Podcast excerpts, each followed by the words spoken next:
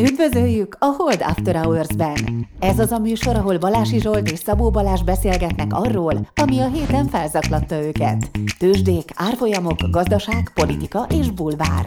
Szabó Balázs és Balási Zsolt a Hold alapkezelő elemzői. Bármi, ami az adásban elhangzik, az az ő vagy vendégeik magánvéleménye, amely nem feltétlenül egyezik a Hold blog és a Hold alapkezelő hivatalos álláspontjával. A műsor szórakoztató célral készült, befektetési döntések alapjául nem kíván szolgálni. A Hold alapkezelő ügyfelei és alkalmazottai egyaránt rendelkezhetnek pozíciókkal az adásban tárgyalt pénzügyi eszközökben.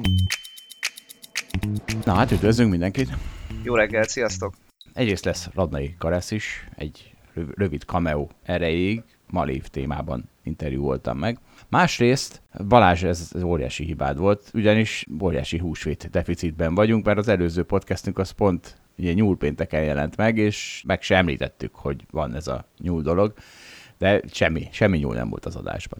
És, nem baj, pótoljuk. Ez igaz, de figyelj, neked van kapcsolatod a való világgal, én már, én már rég lecsatlakoztam róla, szóval ezekre neked kell figyelni, hogy jön valami mondott csinált ünnepség, és akkor azt be kell mondani, mert különben nem tudom, mi van. És hogy, hogy akkor el is felejtettél locsolkodni? Azt, azt azért nem, mert aztán leültem a gépemhez, és akkor láttam mindenféle locsolós híreket, és akkor eszembe jutott, hogy, hogy akkor locsolnom kell. Szóval az internet az jó erre, de akkor ugye a húsvét piaci élményeimmel fogjuk kárpótolni a hallgatókat, mert, mert hát, hát nagyon vicces volt. Ugye hát én kaptam természetesen azt a feladatot, hogy kalács legyen, meg nyúlleledel a húsvéti tortúrához, csak hát reggel nekem azért, tehát ugye mi a helyzet a kaláccsal a piacon, én nem értem ezeket a kalácsárusokat, mind elfogy mindig. És hát az kap, aki elég korán kimegy a piacra, mondjuk reggel hétre, az a biztos. Csak hát reggel nekem, ugye még meg kell vitatnom, hogy A, meg B, meg C. Tehát érted, ha valaki ilyen intellektuális síkon éri az életét, akkor nem a piac az első gondja, hanem hogy a egy éve nagyon intenzívé váló intellektuális levelező listánkon, ahol ugye az elmúlt egy évben hetente kétszer-háromszor mindenki le lett hülyézve oda-vissza, ketten lettek alkoholisták, ketten pszichiátrián kezelnek, kettő pedig hát akik vírusszkeptikusok voltak, ők már feltörően szótlanok, és akkor érted, ilyen körülmények közt persze, hogy nem én vagyok az első a piacon, amikor még meg kell írnom három három e-mailt, úgyhogy kalács az már nincs olyankor. És hát ez, ez nyilván, tehát ez egy nyilván egyenlőtlenség. Tehát azok, akik intellektuális életet élnek, azok nem tudnak kalácshoz jutni a bosnyák téri piacon. Ezt kéne orvosolni majd valahogy. Várjál Zsolt, hát egyébként Igen. csak a vállalati levlistán adod és kapod ezeket a pofonokat, vagy ezt még játszod egy pár ismerősöddel? Nem, több is van. Tehát ez most nem a vállalati volt. A vállalati az péntek, vagy mikor, egy szombat, szombat reggel az csendes volt a vállalatnál már. Már azt hittem a vállalati levlistára gondolsz, ott is biztos elmondhatóak ezek, amiket említettél. Igen, de ezért van az, hogy... Én csak arra gondolok, hogy két-háromszor biztos lehülyéznek a héten, úgyhogy ez így megállja a helyét. Jó, de van más is. van másik levlista is. Kell az önbizalmadnak, úgy látszik. Kell, úgy van. E- ettől épül. Aztán te Fremenek, ezt már mondtam. A kellő edzéstől aztán már bármit el tudok mondani a podcastben. Na szóval ott tartottunk, hogy, hogy így, így ilyen hátrányos helyzetben indulok a kalácsért, és akkor nézem a piacot, itt sincs, ott sincs, amott sincs, kivéve egy helyen, ami elég el volt dugva, és örültem neki, hogy na, szuper, eldugott hely, akkor és van tök jó kalács, akkor kérek három darabot, és az kiderült, hogy hát ez nem véletlen meg az eldugottság, hanem a 4000 forint, amit fizettem a három kalácsért. De hát figyelj, azért csak jobb ezt így, tehát ez a piac megoldotta. Szerintem a feleségem ráadásul após, amiknek is nekem kellett vinni a kalácsot, szóval a feleségem nem örült volna, ha a kalács helyett míves intellektuális e-maileket tudok felmutatni, pedig mennyivel egészségesebb. Figyelj, legalább mivel ilyen intellektuális síkon élet az életed egy irodai munkásként, ezért ki tudod fizetni 4000 forintos kalácsot. Igen, kivéve, ha jön valami demagog politikus hatósági árasát teszi a kalácsot, és nekik is el kell kótyavetjeniük, nem tudom mennyire. Olcsón a kalácsokat, és akkor teljesen, akkor teljesen kész leszek. De főleg a feleségem. De akkor meg megint csak én.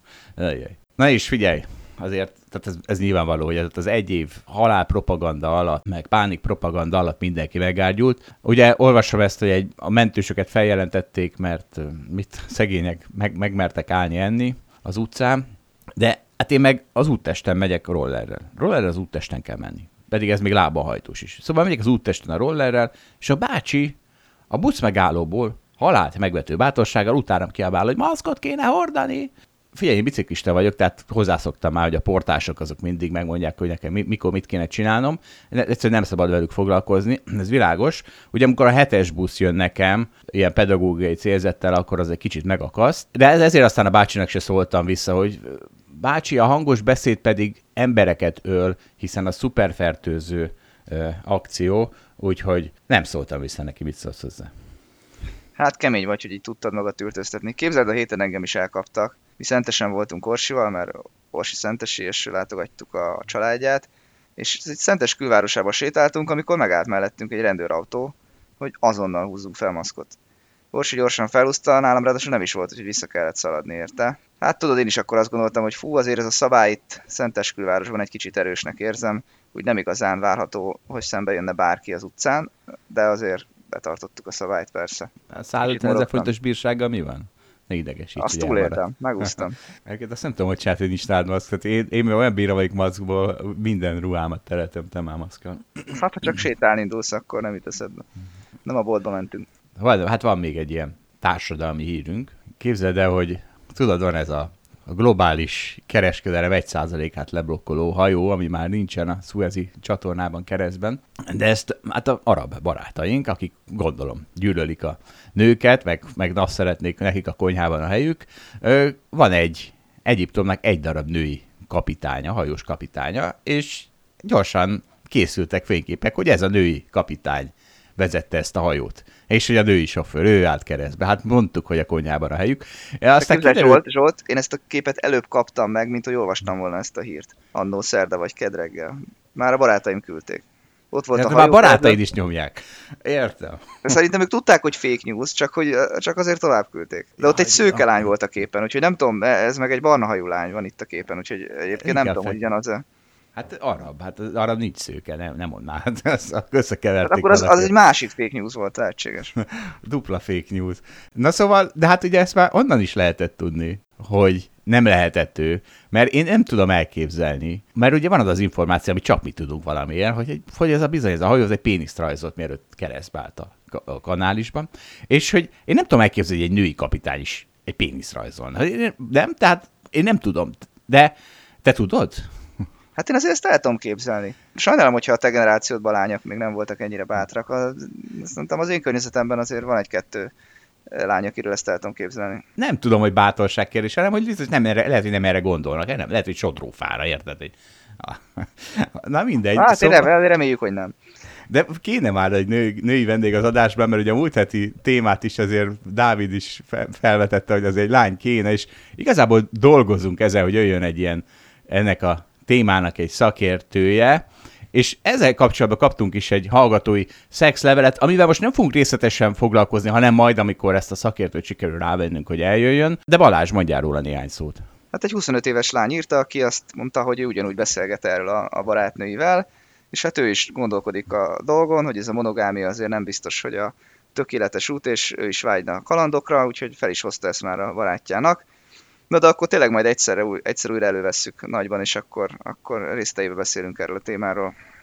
Jó, és hát ha már elkalandoztunk ebbe a témába, az el kell mondanom, a női sofőrről az jutott eszembe, hogy Kovács Ági. Tudod ki Kovács Ági? Az úszó? Az úszó, olimpiai bajnok, igen. Igen, akkor már néztem az olimpiát, amikor ő úszott. Sőt, én Na, is hát, úsztam akkor. Igen, én pont nem vele úsztam, tehát én Egerszegivel úsztam, Kovács Ági az már fiatalabb volt. Viszont egyszer Kovács Ágiba szerelmes lettem, mert volt egy ilyen vetékedő műsor, egy ilyen vicces a tévében. Akkor még nézett tévét az ember. És az volt a vetékedő, nem tudom, szám, hogy ketten ültek egy, mondjuk egy, egy ilyen elektromos autóban, az egyik vezetett, a másik pedig mondjuk lufikat gyűjtött be. És Kovács Ágék egysége nagyon gyengén szerepelt, és akkor megkérdezte tőle a, a riporter, hát mi, mi történt Ágékám, és akkor azt mondta, hogy hát nálunk két női sofőr volt, és annyira tetszett ez a szellemes, meg minden, izé, hogy hát én azonnal megpróbáltam valahogy kapcsolatot részesíteni Kovács Ágival, de csak a Kovács Ági úszó társ nőjéig jutottam a randizásba, aztán nem volt szívem megmondani neki, hogy csak azért szerettem volna veled randizni, hogy Kovács Ágihoz szerep kerüljek, úgyhogy így, így maradt.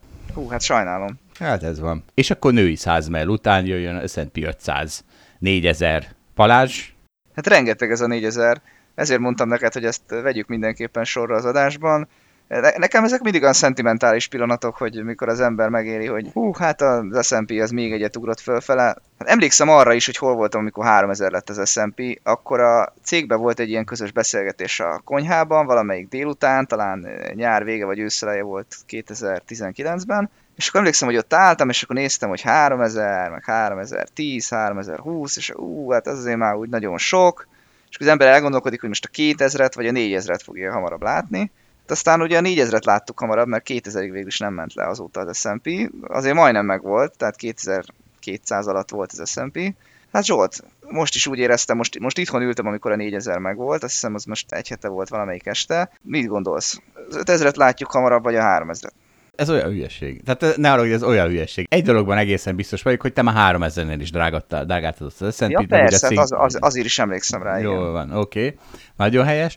A másik pedig, hogy én gyűlölöm meg ezeket az értékeket, mert ez tök mindegy. Tehát ez csak, ez csak a fundamentális elemző hiszi azt, hogy nem tök mindegy, hogy 3000 vagy 4000 S&P. Két dolog számít, az íve meg a dinamikája pláne az S&P 500-nál, ahol tényleg csak a fantázia számít, hogy mennyibe fog kerülni, és én nekem fogalmam sincs ezek az értékekről, soha. Ha most azt mondtad volna, hogy most elért az S&P a 2000-et, akkor azt mondtam volna, hogy jó, hát elért a 2000-et, kit érdekel. És azért fejből megrajzolom az ívét visszafelé, de írt értékeket egyszer se tudnék hozzá kötni, és ezért gyűlölöm, hogy amikor megkérdem tőled, hogy hogy áll ma a piac, akkor mondasz egy számot, hogy mennyi az S&P vagy a DAX.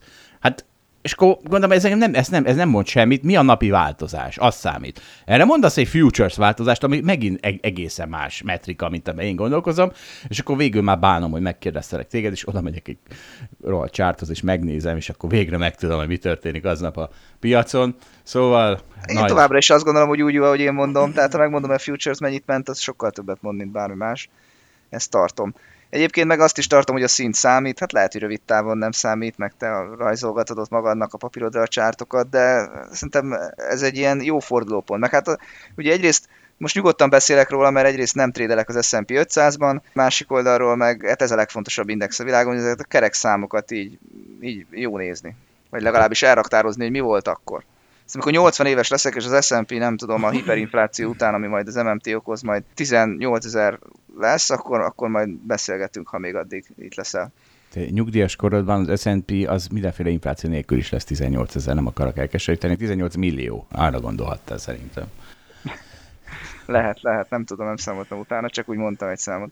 És milyen most akkor e, az izéidet már eltusoljuk, a tech, tech shortjaidat, vagy azokkal mi van? Mert az, hogy nem trédeled a S&P 500-at, azért a tech short az egy elég kemény S&P 500 trade. Egyébként az a helyzet, hogy mostanában szerencsére nem, főleg mióta növeltem, azért kevésbé az. Tehát ugye a nasdaq az a fele, az ilyen Tesla, meg Zoom, meg egyebek, azok, azok nem úgy viselkednek, mint ez a S&P 500, sokkal gyengébbek. De persze van aznak sortom is, és van kb. 10% ilyen sortom. Hát az az elmúlt pár napban rosszul teljesített, de mivel sokkal több a value részvényem, ezért a, az alap nem zuhant bele szerencsére ebbe a dologba. Jó, én most már letudtam ezeket a tech shortokat, ezt kipróbáltam a ti szopó ágatokat, befizettem érte megint a pár százezer forintot, megköszönöm, köszönöm szépen. Örüljem. Remélem jó érzés volt Zsolt, hogy velem tarthattál, velünk tarthattál. Most De hát figyelj, most szerencsére ezeket mértékkel űzzük, úgyhogy ez, ezt most jól csináltuk. Jól van. Egyébként a hallgatóknak szeretnék ajánlani szerintem nagyon humoros alablog cikket. Az egyik privát bankár kollégánk írta, az a címe, hogy Levél anyámnak, és a következőről szól a cikk, hogy ugye az ember mennyire nem tudja elképzelni, hogy meddig mehetnek fel a piacok, esik benne szó bitcoinról, S&P-ről, és az S&P az, hát ha nem is jött be, de a következőt írt a 17-ben a cikk írója, de nem is ez volt az igazán nagy baj, hanem az, hogy 2018 márciusában azt hittük, 3000-nél magasan van az S&P. Így utólag számomra is értetlen, hogy miért gondoltuk azt, hogy a 31-es pépere érték magas, amikor ma 60-ason van. Ezen ténylegesen is buktunk, mert azt a 3200-nál sortolni kezdtük, amit 4000-nél zártunk. És milyen jó, hogy zártuk, mert már 5000-hez közelít. Szóval a cikk újra aktuális lett, legalábbis 4000 lett az S&P. Szerencsére most nem kell zárni 4000-nél az S&P sortokat, hogy aztán 5000-nél rájöjjünk, hogy milyen jó döntés volt. De hogy ne kéne? Hát hogy, hogy a francban Ja, azért mondtam, hogy nem kéne, mert most nincs. De ezt azt nem tudom, hogy kellene. Én inkább nyitnám Zsolt, tudod. De ebben most ne, ne álljunk bele újra ebbe a vitába. De most már azért mégsem nyitod. Tehát te inkább nyitnád, de nem, valami de nem, hát, kezedet. Jó, hát igazad van, igazad van. Csak a szám nagy. A szám, az S&P száma az egyre nagyobb. Az. Na de figyelj, de hát az Animal Split-en is most már, most már velünk vannak. Tehát ha az amerikaiak már velünk vannak, akkor azt mondja, hogy most tényleg jöhet az aktív menedzsment. Hajnal, itt is ilyenek hangzanak el, és ez egy kemény üzenet. Ha eddig kimaradtál a tech rallyból, és ugye, és végig szoptad az elmúlt x évet emiatt, mert hogy az rohadt drága. És most jön ez a value shift, ami még mindig, még mindig csak ott tart, hogy elkezdődött. Akkor, ha most nem húzol rohadt nagy hasznot ebből a regime change-ből, és már ott is a regime change-ről beszélnek, akkor azt üzenik, hogy time to hang up. Itt az idő, hogy szögre akaszd a kardodat, vagy mi a tök. Úgyhogy Balázs... Hát még nem te... akasztottam szögre a kardomat, most nem menekülök el azért, mert az elmúlt pár hónap jól sikerült, azért nem, nem fog kivonulni a, a piacról, hogy akkor gyorsan elmentsem a hozamomat az év végéig. Nem, fordítva, tehát hogyha valaki nem keresi most rommá magát azok után, hogy a teket az végigmújulta, és ez a regime changer nem keresi magát romána, az, azzal komoly gondok vannak. Ezt ja, értem, a... értem, értem. Figyelj, Ezt azért az fontos, hogy szerencsére a teken még nem buktam rommá magam. A value részvényeken már igen, a teken még nem. Azon csak verbálisan tudod. És na nézzük, hogy mit üzen egy ábra, ami igazából nekem ez ilyen, hogy mondják, lenyúzott hagyma, Hát ez biztos, hogy nem így van. De mire gondolsz? Arra, hogy ez evidencia. Tehát, hogy ez már egy... Ez már egy Erről már minden bört lehúztunk. Így van. Ez a szakmán belül ez így van. De aztán kérdezett, hogy csak kicsit kilépsz a szakmából, akkor ez már nem így van, ez nem ennyire nyilvánvaló tudás, úgyhogy, úgyhogy szembe jött ez a csárt, és akkor berakom. Arról szól, hogy a elemzők hogyan becslik a következő negyedévek vállalati profitjait.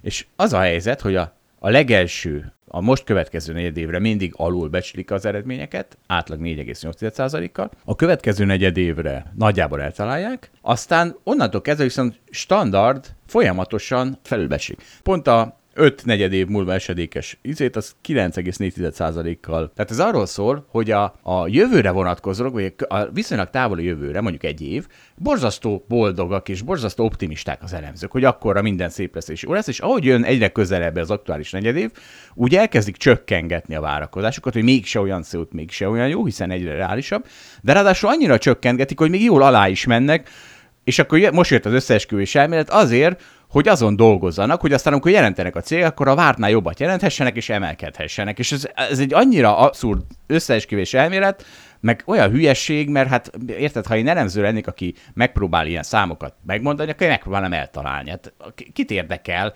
hogy az én számomtól lesz az várakozásnál jobb vagy rosszabb egy, egy eredmény, és ráadásul ugye itt most több ezer elemzőről van szó, akiknek így össze kéne dolgozniuk. Szóval itt valami, inkább valami egy sima, valamilyen bias van, ami valamitől ostobák ezek az elemzők. Mert ugye, hogyha az történne, hogy nem találják el, de hol fölfelé nem találják el, hol lefelé nem találják el, az, az úgy jó. Mert akkor az csak az úgy benne az egy szakmai hiba. De ez így egyértelműen bias. Tehát az, hogyha biztosan lehet tudni, hogy a közegedélyeket alulbecslik, a távoliakat felülbecslik, akkor az egy, az egy bias, ami, ami tiszta hülyeség. Hát ezzel egyetértek, de tényleg hát így kell csinálni. A távoli jövőre mondani kell valami nagyon jót, a rövid távú jövőre meg hát az a lényeg, hogy lepjen meg pozitívan minket az eredmény, és akkor mindig jó lesz, akkor örök kiemelkedő részvényárakkal fogunk találkozni. De hát nem, amíg, csökken, amíg csökkengeted, ugye már aztán folyamatosan csökkengeted. Tehát ez nem, ez de nem az, is... De hát az, az, az, sunyiba van, tehát azt, azt nem veszik észre. Sunyiba, de, de tehát érted, most te is azt hiszed, hogy majd az elemzői várakozások megverésétől emelkedik egy piac, hát a francokat.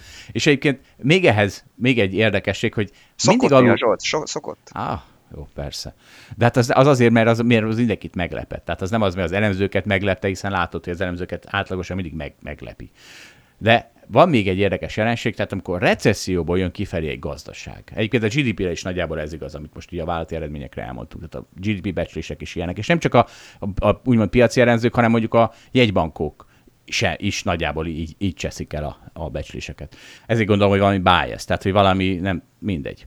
Szóval egy valami óriási kivétel van, amikor recesszióból jön kifelé a gazdaság, akkor viszont a következő negyedévekre mindig borzalmasan alulbecsülnek. Mind GDP növekedést, mind vállalati eredményeket. Tehát a 2008-9 után lehetett látni, hogy az egyetlen hely, amikor borzasztóan alulbecsültek mindent az elemzők, akkor az, a, az 2008 vége felé volt, amikor még azt hitték, hogy úristen, mind meghalunk, aztán mégse haltunk meg, és szerintem ugye most is azért kicsit ilyesmi van. Itt is meg fog mindenkit lepni, hogy micsoda banzáj jön itt, és micsoda részvényáremelkedés. Hát reméljük, hogy így lesz, vagy lehet, hogy már megtörtént Zsolt, de ezt most megint csak ne nyissuk ki újra. Jó. Ja, hogy már megtörtént. Ja, jó, hát ez igen, ez is egy jó szám. Már volt a részvényelemelkedés, akkor már nem lesz több részvényelemelkedés. Appá, már most indult el. Hát van egy ábránk is, felraktuk az alapból, az a value growth shift, az egy hangya töknyit mozdult meg az eddigihez képest az ellenkező irányba, és a DeepWay alapú már így emelkedett 60%-ot, persze egy folyamatosan emelkedő piacon, hát mi lesz itt? Hát meg az esés után jött vissza. Technológiában meg nem Igen. volt ekkor esés. Na, és mit gondolsz, ez a hangya töknyi, amiről beszélsz, még hányszoros ilyen hangya töknyi változás kell ahhoz, hogy azt mondod, hogy hm, ez már változás, most már azért a value behozta a growth Most megint átmentél abszolút számokba, nem érdekelnek az abszolút számok, bármeddig mehet ez, majd amikor De így a nehéz dinamika... téged szabadon fogni, az a baj, Zsolt. Hát nem, mármint, hogy Ja, de nem, mert nem, hát szándékosan nem mondom meg, hogy majd a dinamika megváltozott akkor, hát mindig ezt mondom. Nem az számít, hogy milyen abszolút értékek vannak, hanem a dinamika számít. Amikor kifogyott a craft, ah, akkor, akkor elfogyott. Rendben, akkor... legalább háromszor hívjál fel aznap telefonon, amikor kifogyott a craft, a craft, és el kell adnom minden részvényemet, mert most fordulni fog. Tehát tényleg, kérlek hát, szépen. Amikor... Sokat fizetek érte amikor megjött a Kraft, akkor legalább háromszor naponta fölhívtalak. Tehát egyelőre nagyon jó a track rekordom. De ne viccelj, már akkor hívtalak fel téged. nem, én nem így Nyáron emlékszem. mondtam, hogy meg fog jönni a Kraft. Nem így, én nem így emlékszem. De hát látod, látod? látod? Nem emlékszel, hogy mondtam, egyszer mondtam, már egyetlen, most... na, a legjobb kólom volt a világon az. De most hibáztál. Volt csak rossz kólom is. Hát előtte meg mindig rossz kólom volt. De elhibáztad. Jó volt azt mondtad, hogy fölhívtál, hogy el fog jönni a graf. Tehát nem, nem, nem az volt, hogy azt mondtam, hogy venni kell. Hát ezt már úgy mondtam, de, hát el fog persze, jönni. Hát nem hát ma, hanem az. holnap. De a Kraftot nem látod, hogy el fog jönni, nem érted? A Kraft az attól jelenik meg, hogy megjelent. Az nem, az nem egy izé, amit értékeltségekből megjósolsz. Ah. Hát de nyáron olyan pangás volt, hogy lehetett érezni, hogy itt, itt felfelé a Kraft. Na, Na jó, jó viccelek, nem lehetett érezni. De lehetett, volt, amikor lehetett. Na figyelj, ha már mi, mi ezt éreztük, de nem tudjuk, hogy lehetett. Igen, folytasd. Hát a Craft az van a GameStop-ban, na, most megnézem, hogy mekkora Craft van benne, és ezt most már érzik a izék is. Ugye Szabó Lacinak volt ez a izéje, hogy lehet, miért, ne, hát miért nem jönnek már ezek ki IPO-kkal, tehát nem IPO-kkal, hanem miért nem bocsátanak ki végtelen számú részvényt, amitől aztán belehalnak a rediterek, és na hát érkezik. Mennyi a GameStop-nak a kapitalizáció, tudod? Hát ilyen 10 milliárd dollárra tippelem. Bár gyorsan változik. az igaz. Várja, gyorsan ellenőrzöm. De jó, jó tipp volt. 13 milliárd. Igen, 13 10, milliárd. 12,9. 13 milliárd, és ez a GameStop, ez azért nem jött ki eddig részvénykibocsátásokkal, mert a bürokrácia gúzsba kötötte. És aztán decemberben már egy 100 milliós ilyen rábocsátással előállt, mármint a tervével, enged, beadta az engedélyt rá, és ezt most egy milliárd dollárra felnövelte. Tehát ez a 13 milliárdos piaci kapitalizációhoz képest Hát nem tudom, most ez sok vagy kevés, hát lehetne sokkal több is, az biztos.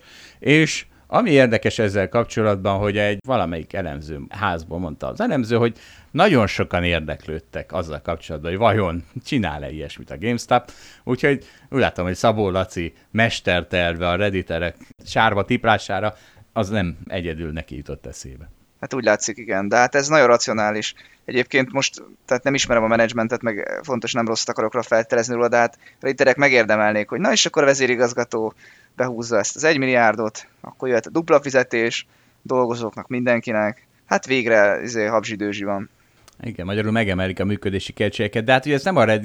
Hát igen, csak ezzel a régi részvényeseket is megszivatják, nem csak a reditereket. Hát Érdekes. igen, de hát a rediterek bármit megfinanszíroznak. Ez igaz. Mert ők éppen forradalmat csinálnak címszó alatt.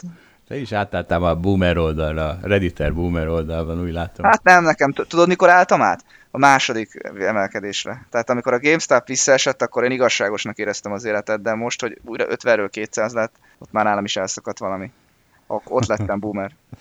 ott lettél boomer, jó van. Hát de nem, hát ez mennyi, mennyire indokolatlan volt, hogy még egyszer vissza. Ja, igen. Mert igen, mert ugye az a különbség a összes többi ostoba technológia szányás és a GameStop közt, hogy itt tényleg volt egy okos terv, hogy a sortosokat agyon szopatjuk.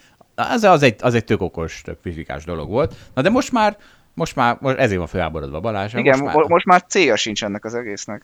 Most már megint ez a abszolút rediteres izé, hogy rávetődünk, levetődünk. Ez most már pump Igen, forradalom felfalja gyermekeit. És igen, és azért nem megyek közel egy ilyen GameStop részvényhez, hogy az én gyerekeimet legalább ne falja fel. Jól teszed, a value részvények ilyen szempontból biztonságosak. Így van. Nem falnak fel senki. Azokban van a craft. Ó, a GameStop-ban is van. Na nézzük, hogy jött egy hallgatói komment azzal kapcsolatban, hogy igazából csak a jelenség maga érdekes, hogy azt érdemes végig gondolni, hogyha valaki azt látja, hogy ilyen tőzsdei oktatás folyik, ami nyilván azt ígérje, hogy akkor majd akkor végtelen pénzt lehet keresni a tőzsdén, és még pénzt is kérnek érte, akkor azt azért végig kell gondolni, hogy vajon, hogyha ezek olyan jól tudják, hogy hogy lehet végtelen pénzt keresni a tőzsdén, akkor mi a szarért cseszekednek a tanítással, miért nem keresik rommá magukat a tőzsdén? Most mit, mit szórakoznak még azzal, hogy ott Facebook oldalt működtetnek, meg YouTube videókat csinálnak, meg nem tudom mi. Az ilyen Szent Grál oktatókat, azokat mindig így lehet nagyon könnyen megfogni ezzel az elmélettel. A másik elmélet, amivel ugye, ha valaki azt mondja, hogy én tudom, hogy ez a részvény merre fog emelkedni, ez egy ilyen tipikus, volt egy ilyen broker cég Magyarországon, ami, amit már be is zártak éppen ezért, mert az operált ezzel, hogy fölhívták az ügyfelet, hogy hát ugye azt tudja, hogy az Apple az rengeteget fog emelkedni, és akkor mondtak három érvet, hogy miért. Aztán mindig tényleg rengeteget emelkedett, de hát nyilván nem azért, hanem mert, mert egyszerűen ugye fölfelé mentek a részvények ebben az időszakban. Ennek ellenére bezárták ezt a broker céget, mert ugye őket is meg lehet ilyenkor kérdezni, aki egy ilyennel, egy ilyen sales pitch az embert, hogy jó, és akkor neked minden pénzed Apple részvényben van? És ha valós választ ad, akkor azt mondja, hogy jaj, de hogy. Tehát nagyon könnyű megfogni azokat, akik ilyen szent grálokat, vagy nem is bölcsek kövéket árulnak tőzsdével kapcsolatban. Igen, ez a tuti kérdés, hogy visszakérdezni, hogy akkor ott te minden pénzed benne van? Ha igen, akkor, akkor valószínűleg tényleg hisz benne. De a hallgatónak akkor se javasoljuk, hogy minden pénzt belerakjon. Igen. Ezt a választ kapja. De ha nem, akkor még meg is bizonyosodhat róla, hogy jogosan kételkedett. És akkor ugye a múlt héten beszélgettünk, ja igen, és akkor erre Zsidai Viktornak volt az a megjegyzés, hogy igen, az oktatásnak annak sokkal jobb a kockázathozam aránya, mint a kereskedésnek, és azt is mondta, hogy és egyébként tegyük hozzá, hogy az alapkezelésnek is jobb a kockázathozam aránya, mint a saját számlás spekulációnak, és igen, ebbe teljesen igaza van, és akkor erre mondtam én azt, hogy viszont ezt a kockázathozamot, ezt úgymond rontja, hogyha az alapkezelőnek rengeteg pénze van a saját alapjában. Ugye Dávid is ezt mondta, hogy ez legyen egy fontos érv, csak akkor erre meg előálltam azzal, hogy jó, de viszont van olyan szabályozói törekvés, hogy ne lehessen benne. És akkor ennek utána mentünk, és egyik kollégám elég jól ismerte ezt a szabályozást, és azt mondta, hogy a szabályozó azt kifogásolhatja, hogyha ebben az alapban, amit az alapkezelője ismer, rengeteg illikvid eszköz van. Mert ugye a Brau sztori volt ilyen, még Szabó Laciék hőskorából, hogy a Brau volt ugye az a, az a sztori, amiről beszélgettünk is Lacival a interjúban, majd linkeljük, amikor egy külföldi multi jött és felvásárolta a Braut. Csak iszonyú olcsón. És Szabó Laciék, tehát akkor Concord alapkezelőnek óriási tulajdonészt épített a Brauban, és nem akarták odaadni olcsón. És akkor elkezdődött egy ilyen jogi húzavona, hogy mennyit kell majd adniuk. És amikor elkezdett jól állni ez a jogi húzavona, akkor a Concord alapkezelőben lehetett tudni, hogy azok az alapok, amiben nagyon sok Brau van, azok hirtelen meg fognak ugrani, hiszen jelenleg ugye a piaci áron, a nyomott áron vannak értékelve, de amikor megjön majd a bírósági döntés, akkor ez hirtelen nagyot fog ugrani. És ezért betiltották a kereskedést a Concord azon alapjaival kapcsolatban, amelyikben volt ilyen Brau részvény. És valóban, tehát így lehet benfentes kereskedni egy alapban, és ezt úgy küszöbölte ki a szabályozó, hogy van egy ilyen egyéves periódus, amikor, hogyha valaki, hogyha az ember belerakja a saját pénzét az alapjába, akkor egy évig tartani kell, mert akkor azért ez a visszaérési lehetőség ez nagyjából megszűnik. A szabályozó így végül is azért egy egész racionális dolgot csinál, de hát az történik, hogy az esetek 0,001%-át akarja szabályozni egy olyan dologgal, amitől aztán az egész iparágat nagyon nyomja, vagyis egy kicsit megcseszi ezzel a szabályával, mert mi van, hogyha bele akarok rakni a saját részvény alapomba pénzt, csak félek attól, hogy jön egy újabb koronavírus dolog, ami előtt azért ki akarnék ugrani, és nem lehet, mert a szabályozó azt mondta, hogy egy évig tartanom kell, tehát... És, és akkor így... ezt ne így már, hogy akkor azért abból ki akarnék ugrani, hát akkor az alapon keresztül add el a részvényeket, ez egy kicsit... Te nem, most rész, nem? Jó, igazad van, tehát ez, ez igaz egy abszolút hozamú alapnál, de egy részvény alapnál nem. Tehát, hogy egy részvény alap, ami, ami meg kötelező, amit tudom én, minimum 70% részvénysúly, ott, ott nem, ott tudjuk, hogy az bukni fog hogyha jön valami szarkorszak. Tehát így értettem. Igen, abszolút hozam alapnál valóban ott, ott nincs ok arra, ott a szabályozó nem cseszett meg semmit. De szerintem morálisan is az abszolút hozamos alapnál jobb elvárás az, hogy az embernek legyen benne a, a pénze, vagy egy rész, része a pénzének az alapjában. Nyilván egy kötvényalap, részvényalap az mindenkinek egy speciális eszköz arra, amit jó, ha tart bizonyos időkben, de nem fogja soha vagyonának nagy részét abba beletenni. Egy abszolút az az alap azért, hogy jobban alkalmas erre. Igen, és, és azt ugye akkor így nem is bántotta a szabályozatosság, mert az viszont meg, az meg simán elvárható, hogyha valaki berakja a pénzét, akkor egy évig ott tartsa, nem, nem oszt, nem szoroz. Na, de egyébként, hogy kérdezzek már vissza, akkor te hogyan szabályoznád, hogyha ez egy év túl sok? De nem jó ez így, mondom. I- igaz, tehát ugye nem tudom. Most, hát túl sok az egy év, én egyetértek. Én, de nem csak nem tudom a jó választ, mert nem olyan, nem olyan triviális rábökni, hogy ja, erre van egy triviális jó válasz. Hát ha valaki tudja, akkor írja meg nekünk. Én tudom Vagy... a jó válasz, de hát ez, egy, ez megint egy ilyen izé, globális, tehát az egész világot kell hozzá megreformálni, tudod, mint hogy az emberek ne legyenek hülyék. Szóval az a válasz, hogy nem, nem szabályokat hozunk előre, hanem utólag az elvet érvényesítjük. Aha. Tehát, Te hogy azt mondjuk... Aki, aki ezzel játszott, és ezzel... És romá, és romát. Tehát nem az van, hogy van egy jó ügyvéde, és akkor megúszta 100 dollár bírsággal, hanem akkor tényleg menjen börtönbe. Tehát aki nem tudom, valami nagyon nagy büntetést azért, hogy Persze, aki... hát az rohadt gáz, a saját alapoddal benfentes kereskedsz, az, az nagyon erős. Igen, de hát ugye az a baj, hogy most ez nem tudom, ez kinek a hiba, hibája, az állami, a szabályozóhatóság, mert ilyenkor mindig ezt a piac nyakába, hogy itt a piac a vétkes, mert hogy miért él vissza, miért benfentes kereskedik, mert hogy az a rohadt kapitalista, de nem, mert ugyanis szerintem az állam, meg a szabályozóhatóság hibája az, hogy az a rohadt kapitalista, az nincs rommá büntetve ezért a dologért, és akkor, akkor már, már is talán kevésbé lenne ez a kapitalizmus ezen hibája. Na de figyelj, most te jössz. Rendben, Zsolt, átveszem a szót. Egy hallgatóval leveleztem itt a húsvéti ünnepek alatt, aki újra felvetette azt a kérdést, amit múlt héten is tárgyaltunk, mégpedig az alapoknak a díjazásáról van benne szó, ami egyébként egy nagyon fontos téma, és hangsúlyozom, szerintem az a legfontosabb, hogy minden szolgáltató, aki ezzel foglalkozik, az ebben legyen nagyon transzparens, és tegye érthetővé az ügyfelek számára azt, hogy hol mennyi pénzt fog levonni. Én nekem ez az ilyen legfontosabb elvi dolog, amit szerintem be kell tartani, és egyébként hosszú távon azt gondolom, hogy ez a, ez a sikerhez is vezető út, mert, mert azt gondolom, hogy előbb-utóbb az ügyfelek elfordulnak attól, aki, aki egyébként össze-vissza díjakat vonogat le sunyiban. Úgyhogy remélem, hogy a holdalapkezelőnek a, a díjazása is nagyon jól érthetőek. Itt egy-két konkrét példára akarok reagálni, amit ez a hallgató felvetett. Az egyik az az, hogy, hogy egyrészt vannak ezek a költségek, tehát konkrétan arról, hogy drága ez az 1-2 százalékos költség, amik úgy általában láthatók a piacon, mondjuk 1, 1 százalékba kerül egy kötvényalap, 2 százalék körül vannak a részvényalapok. Egyébként ez régiós összehasonlításban is megállja a helyét, tehát azt nem lehetne mondani, hogy a magyar piac ez valamiért kiugran tága, tehát vannak cseh alapok, meg lengyel alapok, meg észt alapok, és azoknál is nagyon hasonlóakat láthatunk. És egyébként én nem tudok erre így válaszolni, hogy most szerintem az olcsó, az meg drága. Én azt gondolom, hogy ez egy ugyanolyan piac, mint bármilyen másik piac, ahol a kereslet kínálat dönt, de nyitott vagyok arra, hogyha valaki ezt elmagyarázza, hogy miért nem, mert akár nem tudom, monopól helyzet van, vagy oligopól helyzet lenne ezen a, a piacon, de azt gondolom, hogy nagyon sok részvényalap elérhető, nagyon sok kötvényalap elérhető, nagyon sok abszolamos alap elérhető, és most csak fontos, hogy alapértékesítésről beszélek egyelőre, és nem privát vagyonkezelésről, ami az egy, egy másik dolog. És azt gondolom, hogy az ügyfél azért megteheti, hogy ha nem tetszik neki, akkor nem veszi meg. Tehát ugye itt vannak az ETF-ek, amikkel versenyeznek ezek az alapok, mi is versenyzünk az ETF-ekkel, amikor alapokat értékesítünk, tehát nyugodtan választhatja az ügyfél azt, hogyha azt, azt olcsóbbnak gondolja, jobbnak gondolja, és előbb-utóbb el fognak vérezni azok az alapok, amiknek, amik nagyon drágák, meg egyébként nem jó a, a hozamuk. Azért annyit ugye lehet tenni tényleg, hogy legalább a múltbeli hozamokat megnézi az ember, mi nagyon szeretünk kiállni, és nagyon büszkék vagyunk a, a részvényalapunknak a, a hozamával, hogyha valaki megnézi a, a Bamoszon, akkor az te, te teljesen elérhető ugye nap mint nap. Most azt hiszem úgy áll, hogy a indulása óta, ami körülbelül 20 éve volt, 12,6% hozamot csinált, ami jó néhány százalékkal költségek levonása után is megverte a benchmarkját. Tehát azt gondoljuk például, hogy ez az egyik ilyen úgynevezzük flagship alapunk, ami ugye pont a mi szakmánkhoz nagyon kötődik, van rajta egy 5-6 fős csapat, aminek én is tagja vagyok, meg mások is iparági elemzők vagyunk, és akkor a Csár Tamás ennek a, a végső döntéshozója, aki eldönti, hogy végül mi kerül az alapba hogy ez érthetőbb legyen, tehát hogy az a helyzet, hogy a részvény alap persze az, a, a nagy részét azért emelkedte, mert emelkedtek folyamatosan ebben az időszakban a részvények, és ami a mi hozzáadott értékünk, az az, hogyha fogunk egy benchmarkot, tehát megnézzük, hogy a kelet-európai részvények úgy átlagosan mennyit emelkedtek, na ez a részvény alap ez ahhoz képest is egy olyan évi két-három, akár talán négy százalékot is rávert. Hány éven keresztül, mit mondtál? Körülbelül 20. Tehát, hogy ez, ez így megfogadott. Mert az, hogy önmagában, hogy 12%-ot emelkedik évente, az nem mond semmit, az azt jelenti, hogy a, az azt jelenti inkább, hogy a piacok emelkedtek. De az, hogy a mi részvényalapunk mennyivel többet emelkedett, mint úgy általában a piacok, na az már a mi szakértelmünk.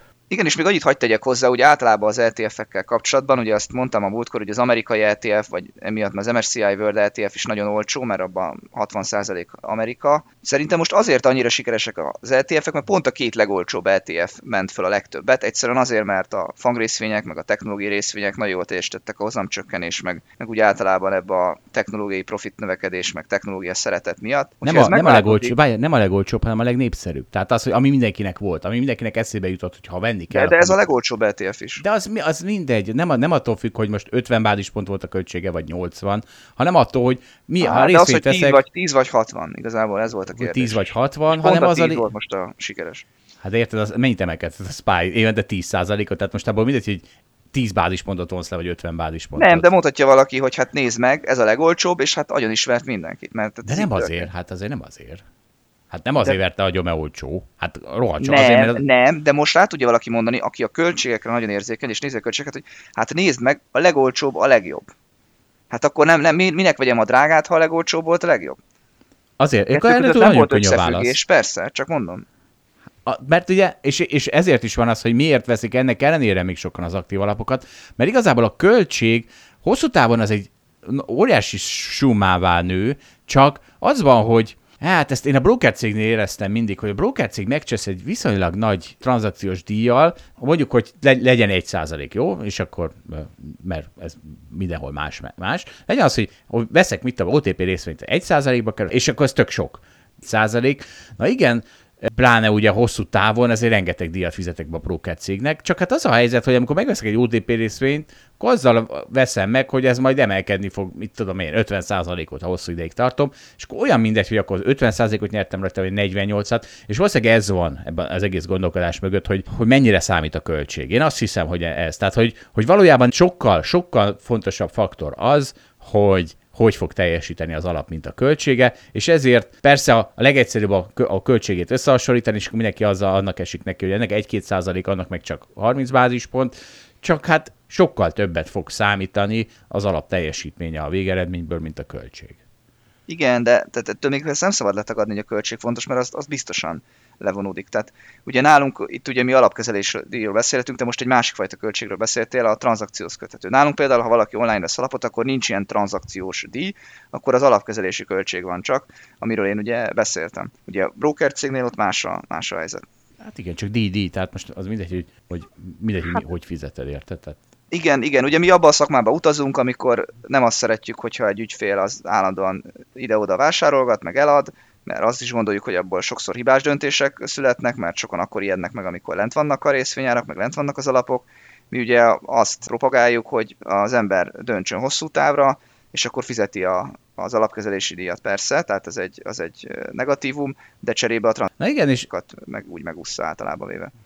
Talán ez a leglényegesebb. Tehát ha valamit nagyon könnyű kimutatni, akkor az az, hogy a kibeugráló ügyfelek azok hogy szopatják rommá saját, magukat, és ugye az alap valahol ettől véd meg, vagy ettől véd meg egy kicsit, tehát, hogy költséget nagyon könnyű számolni. Ez 50 bázispont, az 200 bázispont, akkor ez az olcsóbb. De azt nem tudod megszámolni, hogy viszont a kibeugrálásoddal mennyit veszítesz, és pedig erre is vannak statisztikák, és valahogy azt nem számolják bele az Excel modelljükbe ezek, a, akik a részvényre, tehát akik a tőzsdére akarják vinni a pénzüket, és akkor mondok nekik csak egy borzasztó egyszerű mondatot. A, azt hiszem, a nem tudom melyik, talán mondjuk legyen a Goldman Sachs. Goldman Sachsnál megnézték, hogy mely ügyfelek hozamai a legjobbak, és akkor kiderült, hogy azok, akik vagy már meghaltak, vagy elfelejtették, hogy van ez a számlájuk.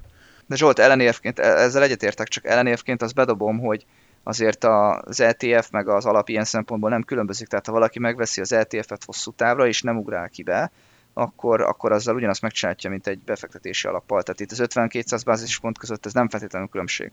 Csak kevésbé, érzés... kevésbé fogja megcsinálni, érted? Tehát sokkal kevésbé fogja, mint ahogy ezt mondtam neked, hogyha... De miért? Amit a, miért adnának el kevesebb? Még én is. Vagy nagyobb Balázs, még én is. Mert, mert kicsit távolibb, nem nézel rá naponta, nem tudod, hogy drága tranzakciós díj, meg macerás, kiugrál. De most bocs, nem kevered az OTP részvényt a befektetési alappal? Mert itt most az ETF, tehát hogy mondjam, az ETF szerinted akkor egy érzeletben valahol az OTP részvény és a befalap van. van, hogy eladnád, de a befalapot kevesebb esélye adod el egy Hát az ETF az egy OTP részvény. Az egy OTP az e részvény. Csak... Nem, hát az ETF egy indexet követ le. Abból a, persze, tudom, de abból a szempont, nem, az egy Bux Index mondjuk. Tehát az abból a szempontból egy OTP részvény, hogy most a tőzsdén kereskedik. Tehát egyszerűen csak megnyomod a gombot, hogy szel, és akkor már meg is szabadultál vele tőle tök olcsó. Ezzel hát gondolom, hogy, gondolom, hogy a befalapot is pont így adod el, hogy megnyomod, hogy szel macerásabb. Most hidd el nekem, a lépvei alapban, ami, amiben beraktam a pénzem, az eszembe se jut, hogy hozzányúljak, miközben azokat hát, a részvény... van büntetőjutalék, de az egy különleges alap. De ez jó, ez, ezt mondtam a izére is, hogy ezért küldöm el a Dávidnak azt a pénzt, mert akkor el van temetve a pénzem, és akkor nem ugrálok ki be a bitcoinból, amit aztán még én is jól megszívok. Tehát ebben van egy ilyen pszichés, pszichés rész. Tehát... Jó, bízom benne, hogy ebben nagyobb a tapasztalatod. De csak egy másik téma az, hogy egyébként a MAPLUS kellene használni benchmarknak, ami persze egy tök jó felvetés, vannak ennek a felvetésnek azt gondolom korlátai, kettőt mondok rögtön. Az egyik az, hogy eurós alapoknál azért biztosan nem használnék egy forintos benchmarkot. Ugye egy eurós alap az versenyzik a világ egy csomó másik eurós alapjával, és egy csomó országban meg nincsen MAPLUS. Ráadásul ugye a forint az erősödhet, meg mostanában éppen inkább gyengült az elmúlt években, tehát egy eurós alaphoz nem hasonlítanám, mert egyszerűen ott azt gondolom, hogy ez talán érthető mindenki számára. Ami ugye érdekesebb az a forintos alapok esetén meg, hogy melyik alaphoz lehet hasonlítani, és akkor szerintem egy részvényalaphoz nyilván nem kell, mert annak ott van a részvény benchmarkja, meg a részvényindex benchmarkja, az szerintem úgy jól van magában. Egy kötvény alap esetében, vagy egy abszolútizmus esetében már értjük, hogy milyen, mi lenne ennek az értelme. Ugye ott van szerintem egy ilyen igazságossági kérdés, hogyha egy befektetési alapba be van tiltva a MÁ plusz, mert hogy egyébként be van, tehát ugye MÁ plusz csak magánszemélyek vehetnek, intézmények, cégek, alapokba nem kerülhet MÁ plusz, akkor egy kicsit igazságtalan azzal szemben, aki ugye el akar érni sikerdíjat, hogy létezik a MÁ plusz. Hát ez elég réteg probléma, ne arra Ez réteg probléma, a, de a, erre a... szerintem az a válasz, hogy ha, ha nem akar ilyen alapot az ügyfél, akkor mondom, itt továbbra is csak alapértékesítésről beszélünk, nem privát vagyonkezelésről. Privát vagyonkezelésből ugye lehet már pluszt venni, tehát ott kicsit másképp jön fel ez a kérdés. Tehát most csak az alapokkal összehasonlítva. Hát alacsony kockázatú alapot, hogyha úgy gondolja az ügyfél, hogy abban azon sok a költség, meg még sikerdíjas is, meg egyébként nem ismeri meg a mápluszt, akkor természetesen ne vegyen ilyen alapot, és vegye helyette mápluszt. De szerintem ez is történik a piacon. Másrészt meg ugye az van, ezekben az alapokban vannak intézményi pénzek, és az intézményeknek meg nincs lehetősége mápluszt venni. Tehát ilyen szempontból ott meg korrekt az, hogy ne is legyen már plusz a, a küszöbhozon. Tehát itt, itt van pro és kontra. Én azt értem, hogy egy magyar ügyfélnek, aki forintban gondolkodik, annak a, a MÁ plusz a benchmarkja, és ez ebben a pillanatban jól is van így, vagy hát ezt el kell fogadni, ez most a helyzet. Van egy államilag támogatott versenytárs. Hát figyelj, a piac Na. megoldja. Egyelőre oldja. A, igen, a piac megoldja, és én nagyon remélem, hogy tényleg mindenki elérhetővé tesz minden díjat korrektül, mi is és mások, és akkor az ügyfelek boldogan dönthetnek, hogy mit szeretnének és mit nem. Az az, a megoldás az egy része még, csak a másik része meg az kell, hogy legyen, hogy az aktív alapok végre fölálljanak a padlóról, és nagyon verjék a passzívakat, és akkor hirtelen mindenki rájön, hogy hoppá, nem is az a száz bázispont különbség volt a durva, hanem a irány. Meglátjuk, meglátjuk. Na menjünk vulkánokra, mert most már nagyon sokat szakmáztunk.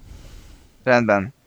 Egy április 5-i alapblog cikket szeretnénk ajánlani hallgatóknak, és itt az április 5 nagy hangsúly van, ugyanis 200 éve tört ki a Tambora nevű vulkán, ami a mai Indonézia területén található, és ennek a nagy vulkánkitörésnek az érdekessége, hogy hát nem csak az, hogy sajnos meghalt több tízezer ember közvetlenül ebben a, ebben a nagy kitörésben, mert Pompeihez hasonlóan nőtt, és ez a vulkán is elégetett néhány faluta közelben, hanem az is történt, hogy egyébként megváltoztatta az időjárást erre az évre nézve, amikor ez a vulkán kitört. A legfontosabb következmény között ott volt az, hogy az északi féltekére is kihatott, ugyan a földrajzi következményeket nem tudnám elmagyarázni, de egy felhő keletkezett, ami miatt talán nem sütött annyira a nap, és ezért lehet azt mondani, hogy majdnem, hogy elmaradt a nyár az északi féltekén is, és ugye emiatt a, a termés is kevesebb lett, ami végül kolera járványhoz is vezetett. Úgyhogy messzire vezetett ennek a vulkánkötörésnek a története, és hát a Aponyi, aki írta ezt a cikket, az azt is felveti, hogy hát ekkor kezdődött egy nagy gazdasági visszaesés, ami hát nagyon távlatilag, de végül is elvezetett az 1848-as forradalmakhoz Európában ugye általában, meg akkor végül is Magyarországon is. Jó, hát egyrészt ugye az engem leginkább érdeklő motivum ennek az volt, hogy ugye a klímaváltozással kapcsolatban mindig el lehet gondolkodni, hogy a probléma a széndiokszid a levegőben az, hogy felmelegedést okoz. Nem a széndiokszidra van a probléma, hanem a felmelegedéssel. És a felmelegedés ellen meg nagyon jó védelmek vannak. Ugye egy ilyen vulkánkitörés ez egy évre csökkenti az átlag hőmérsékletet, tehát hogyha ezt valahogy lehetne modellezni, de ezen senki nem dolgozik. Tehát eh, mindenki a széndiokszid ellen hadakozik, miközben egy sokkal pofon egyszerűbb megoldás is létezne, nem megyek bele, hogy, hogy milyen, mert tényleg vannak pofon egyszerű megoldások erre. De az éhínséget azt kerüljük el valahogy. az énséget kerüljük el, tehát nem én sem arra gondoltam, hogy akkor most befeketítsük a földet, hanem nagyon környezetbarát megoldások vannak erre, de valahogy ez sosincs. Én ezt, én ezt nem értem, ezt az annyira hiányzik ez nekem, hogy miért nem, valaki miért nem ezt járja körbe, hogy a legegyszerűbb fröcsköljük az óceánok vizét, több só kerül a levegőbe, fehérebbek lesznek tőle a felhők, visszaveri a napsugárzást, és már is csökkentettük a átlaghőmérsékletet.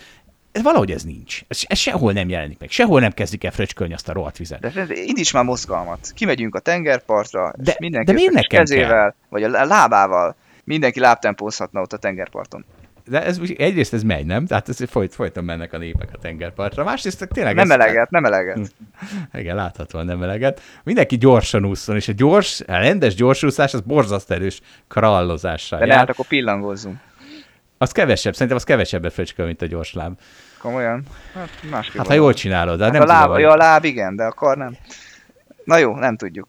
Ezt Ja, még, a a tudósoknak, ezt még a tudósoknak ki kell találni. Én is úsztam, ezért gondolkodom. Tudom, rajta. hát ezért mondom, hogy te valami, valami nagyon szakbarbár műhelyben, hogyha izé, óriási fröcsköléssel jártak az úszásaitok, tudod, annál gyorsabban úszol mindenki sem. Tudom, tudom. Mint a delfin, az se fröcsköl. Hát mi a spariba, mint a delfinek úsztunk, ti meg, mint a izé, vízi bicikli. Azt hiszem ezért nyertük. A jövő SC-be úsztam. Ez a múlt SC. Na és, tehát hogy ez egy, most is van egy járványunk, amiben azért most nehéz lemenni krallozni a Adriára, de ugye ez a járvány is egy kicsit ilyesmi, hogy ki tudja milyen politikai hatása, meg társadalmi hatásai lesznek. Igen, de mi az szerintem mindig az optimista oldalon állunk. Reméljük, hogy ez egy ilyen one-off. Egy-két évig itt van velünk, aztán eltűnik. Jó, hát azért az optimizmusomat nem bántaná, hogyha néhány nagyon hátrányos politikai társadalmi jelenség eltűnne a föld felszínéről, tehát azzal nekem sem bajom nem lenne. Igen, azzal nekem sem. De hát van egy, és ez Venezuelában van. Erről meg Vakmajom írt. Ezzel mi van, Balázs? Hát azt a kérdést vetti fel Vakmaim a posztjában, hogy lehet-e az egy normális demokrácia, és linkelte is a cikket, ahol ezt olvasta, ahol éheznek az emberek, és ugye mindenkori államnak ki vannak szolgáltatva abban a tekintetben, hogyha őtőlük várják az élelmet teljesen közvetlenül, akkor, akkor valószínűleg rájuk is fognak szavazni, mert egyszerűen úgy érzik, hogy nem tehetik meg, hogy nem szavazzák meg azt az államot, aki gyakorlatilag a minimum feltételeket teremti meg az élethez nekik. És hogy hát ez nem egy jó demokrácia, és hogy hát valószínűleg ez, ez így nem is szabályos, ami történik. Egyébként nyilván a venezuelai szavazás vagy választások azok amúgy sem szabályoznak má- más okokból sem. Ugye az államot beveti hadsereget is könnyen, hogyha szükséges saját polgárai ellen, tehát azért ott sok minden baj van. Ugye a Vakmaim azt a kérdést felveti, hogy mi kell még ahhoz, hogy meledőjön egy rendszer, miközben egy viszonylag normális világban, tehát nem a harmadik világháború zajlik éppen, hanem a világnak úgy általában jól megy, és közben Venezuelában meg 85%-ot csökkent a GDP. És mégis hatalma van a régi hatalom. És tegyük hozzá ugye a világ legnagyobb olajtartalékán üldögélve. Igen, de hát azt már ugyanúgy, ahogy az élelmiszerellátásra tudják normálisan megoldani, meg a mezőgazdaságot, ott is már a kitermelés természetesen akadozik, meg hát a, tehát Venezuelának egy jelentős része egyszerűen elvándorolt. És akkor erre ugye ez a, múlt héten foglalkoztam azzal a hallgatóval, aki szerint a legfőbb metrika, hogy politikus jó-e, hogy megválasztják. Hát Chávez mindig megválasztották, Madurot mindig megválasztották, vagy megválasztják, akkor ők jók. Hát azért, azért van ezzel gond ezzel a metrikával, azt hiszem. És ha már jó politikusok, hát akkor ne felejtsünk el megemlékezni nagy Vladimir sikerszériájáról. Putyin először megkapta a legvonzóbb orosz férfi címet, aztán e- e- nem értem, hogy miért csak az legvonzóbb orosz, mi ez a, mi ez a nem tudom, kis, kis pályázás. Aztán pedig, mint a legvonzóbb orosz férfi, engedélyezte magának, hogy újabb, azt hiszem, újabb két ciklusra, újabb nyolc évig maradhasson az elnök, mert elvileg azt most nem lehetett volna, most már lehet. Úgyhogy azt hiszem, hogy itt a jó politikus csimboraszájával van dolgunk, hiszen őt is újra fogják választani, és mindig újra fogják választani. Persze úgy könnyű, hogy épp most mérgezi meg a legnagyobb kihívóját. Igen, úgy kicsit könnyebb. De hát van egy metrikánk, megválasztják, vagy nem.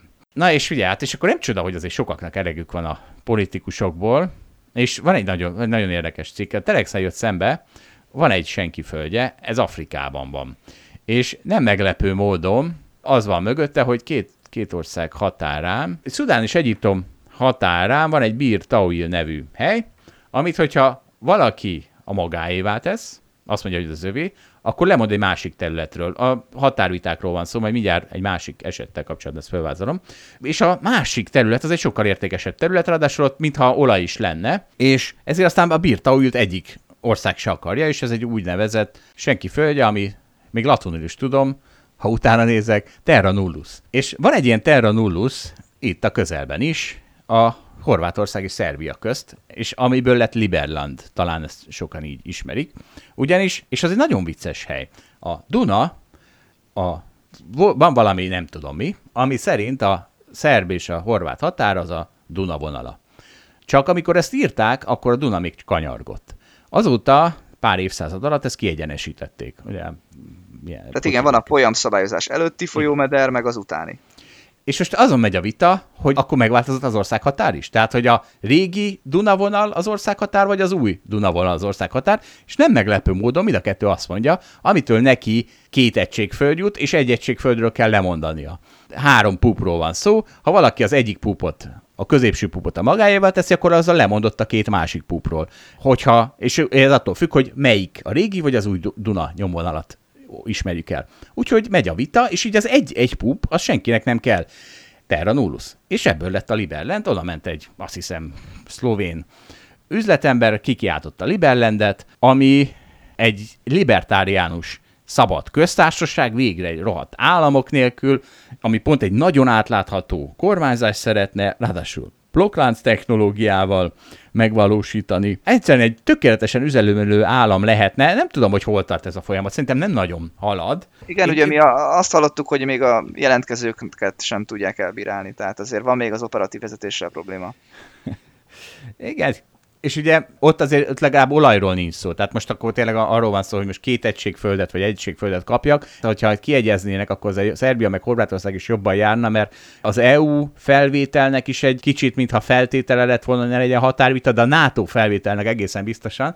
És addig például Horvátország nem tud NATO tagállam lenni, amíg megy ez a hülyéskedése ezekkel a földdarabokkal, ami Hát ugye azért lett hülyéskedés, mert ugye a horvát-szerb háború során emberek öltek embereket, azért, hogy melyik pup hova tartozzon. Tehát ilyen hülyességet kommentet, azért megölni embereket, hogy áh, na mindegy. Szóval üdvözlök mindenkit a ráció békés világában, abban nincsenek háborúk azért, hogy egy föld darab azt Horvátországhoz vagy Szerbiához tartozik. Hát a ráció világában nem tudom mennyire tartozik bele Dave Portnoy, de ellátogattam hozzá. Egyrészt ugye maradt a tradingnél, tehát ugye kapott most nagy pofonokat, de úgy tűnik, hogy nem, nem vonult vissza teljesen a sport kommentátorkozáshoz, és pont egy nagyon vicces résznél csatlakoztam az életében, ugyanis ki van borulva, hogy a, az a részvény, amivel ő is beszállt, mármint, hogy az ő vállalkozását megvette a PEN nevű részvény, a Barstool nem tudom mit, Barstool Entertainment mondjuk, és ki volt borulva az, hogy ki kitalálom, lefele ment az árfolyam. É, így van, Na, jó, nagyon Balázs, érzed Dave Portnoy lelkét, lement lefelé ment, és azért, mert napon belül azért ment lefele, ilyen 5%-ot, mert kikerült Dave Portnoyra egy sex tape. Tehát azt mondta, hogy yeah, Ez hogy, hogy nem hoz? Én ezt nem is értem. De a mai világban az csak hozhat. Hát igen. És az, Dave Portnoynak is ez volt, hogy yeah, I fuck, buy the dip. Ennyi volt a befektetési tanácsad adása, és ráadásul, hát nem tudom, nagyon vicces. Valószínűleg föl fog menni, úgyhogy buy the dip, Valás, buy the dip. Ez biztos. És... Azért mennyi el a részvényár, mert hogy a, megnézheti valaki az interneten, hogy Dave Portnoy szexel. Jól értem? Ó, igen, lehet, hogy, valami, lehet, hogy bénán szexelt, nem tudom. Csalódást keltett a szextép. Fundamentális befektetőként tehát, eh, nagyon zavar ez a jelenség. Na, hát nézd meg a szextépet, és akkor eldöntheted, hogy fundamentálisan mennyit ér. Mindenképpen, mindenképpen leelemezzük. Egy másik videójában belefutottam, az a pizza ajánlója van. Ugye ez, ugye mondtam a Dayport meg ez egy content provider, és mindenféle hülyeséget csinál, és van például egy pizza ajánló rovata. Arra gondoltam, hogy mi is megcsinálhatnánk ezt, Balázs. A Value Investor vacsorája címmel, csak mondjuk ebéd lesz, és akkor mindig rendelünk kaját valamilyen éttermekből, ezt így lepontozzuk, valószínűleg mindig ugyanazt kell rendelni. Tehát szerintem te rántott húsok sült krumplival, mert ennyi, nagyjából ennyi fantázia szorult beléd, én meg valószínűleg sertéspörköltet. És, és akkor beléd meg mi szorult? A sertés, sertéspörkölt. Ja, gratulálok. No kell. szóval én, én vagyok a fantáziadús, és, és akkor, és de tudod, mi ebben a legjobb? Azt hát hittem, most a... csigákat, meg kagylókat eszel, meg muf, muflóhúst. Most le vagyok tiltva, hát még tart a homeschooling. Ja, jó, jogos. Nem, az a fontos, hogy azért mindig, ami mindenhol van, tehát aztán lehet, hogy a muflon, csigával töltött muflont rendelünk, mert az nem sok helyen van, és akkor hogy hasonlítod össze. Igen, igen. Viszont én abban bízom, hogy ez a korrupció melegágya. Tehát érted? Tehát, hogyha ennek híre megy, hogy ezek ott pontozzák élő műsorban 8 millió nézőnek a izét, a rántott muflont, hát akkor csak jót küldenek, nem? Tehát akkor a legjobb séfüket állítják rá arra az izé kajára. Hát én de, bízom. de, de, figyelni fognak, hogy minden pénteken ezek ebédelnek, akkor különösen oda kell figyelni. Így van. Na, hát és figyelj, mond, ígértem, hogy, meg, hogy meg, megidézzük Radnai Károly szellemét is, úgyhogy megidézzük Radnai Károly szellemét. A Malévről fogunk vele beszélgetni. Na hát akkor kedves hallgatóink, megint itt van velünk Radnai Karesz, a talán legsokoldalúbb szakértőnk, akivel most Malév témában fogunk egy kicsit szakérteni, és talán emlékeznek rá, folyamatosan noszogatta mindenkit, hogy érveljen már nekem valaki, legyen szíves, hogy kinek hiányzik a malév, és miért. Ugye ez annak kapcsán merül föl, hogy hogy a, legyen magyar ez, meg az, meg amaz, és közben szerintem meg észre kell venni, hogy hát az, hogy nincs magyar légitársaság, egy ilyen adópénztemető itt tudom én, feneketlen lyuk, az annak mindenki örüljön, mert van helyette sokkal jobb légitársaság, ami sokkal jobb szolgáltatást adnak, és így, hogy az adó pénzünk nem ég el rajta, így meg aztán pláne sokkal olcsóbbat is. És akkor Karesz volt az, aki hát ezzel vitatkozik. Te parancsolj, Karesz. Hogy lehet ezzel vitatkozni? Úgy vezetett fel ezt a kérdést, hogy szakértőnk, azért ebben a témában én nem mernék itt szakértőként megszólalni, mert egyáltalán tehát nem vagyok légügyi szakértő, meg, meg makroközgazdász sem. Karesz, karesz, karesz, várj egy picit. Tehát ebben a podcastban ezeket levetköztük, ezeket a békjókat, tehát bármiről szakértőnk mi itt Balázsjal, úgyhogy tessék, most bevettünk. Jó van, köszönöm szépen. Akkor mindjárt ki is bontok egy üveg sört is, mert akkor úgy még jobban megy a, a szakértés. Ha most tíz évvel ezelőtt beszélgettünk volna, amikor még volt Malév, akkor szerintem szóról szóra ugyanazt mondtam volna mint te, ugyanaz volt a véleménye, hogy a fenének öntjük bele a pénzt, így döglődik, lehet látni, hogy itt a, az állami lélegeztető képen tud csak túlélni, minek nekünk ez a, ez a maléfet, annyi légitársaság van, még repülhetünk, nem annyi mással, és ezt az, ezeket az érzelmeket, hogy ez magyar, ez meg persze fontos, de, de, de nem fontos, tehát ennyi pénzt nem ér meg. És aztán csődbe ment a malév, és egy sor olyan dologgal szembesültem én, mint magánszemély, amit, amire én előtte nem gondoltam, hogy ez fog, meg fog történni, és ami, ami nekem személy szerint nagyon nem tetszett utána. És itt nem azt értem, hogy szegény pilótákkal mi lett meg a Malévnél dolgozó állományal, mert őket egyébként tényleg jól felszívta gyorsan a konkurencia, meg el tudtak menni ide-oda dolgozni, hanem az én egyéni szoc problémáim maradtak meg, hogy én akkor is, meg most is, vagy hát Covid idején nem, de hogy egyébként sokat utazom repülővel, és azzal szembesültem, hogy a repülőjegy árak azok ilyen nagyon durván megemelkedtek, és ha ez egy, ez egy jó piac lenne, tehát hogy ez egy igazi versenypiac lenne, akkor ugye az történne, gondolom én, hogy aki nem bírja az árversenyt, az elvérzik, de ebből aztán nem az fog történni, hogy utána felpattannak az árak, hanem a többiek bírták az árversenyt, és akkor ott meg fog állapodni az ár, és egy picit lehet, hogy majd növekedni fog. Hát eljött ugye a, itt meg az történt, hogy a malév megszűnt, és a légi közlekedésben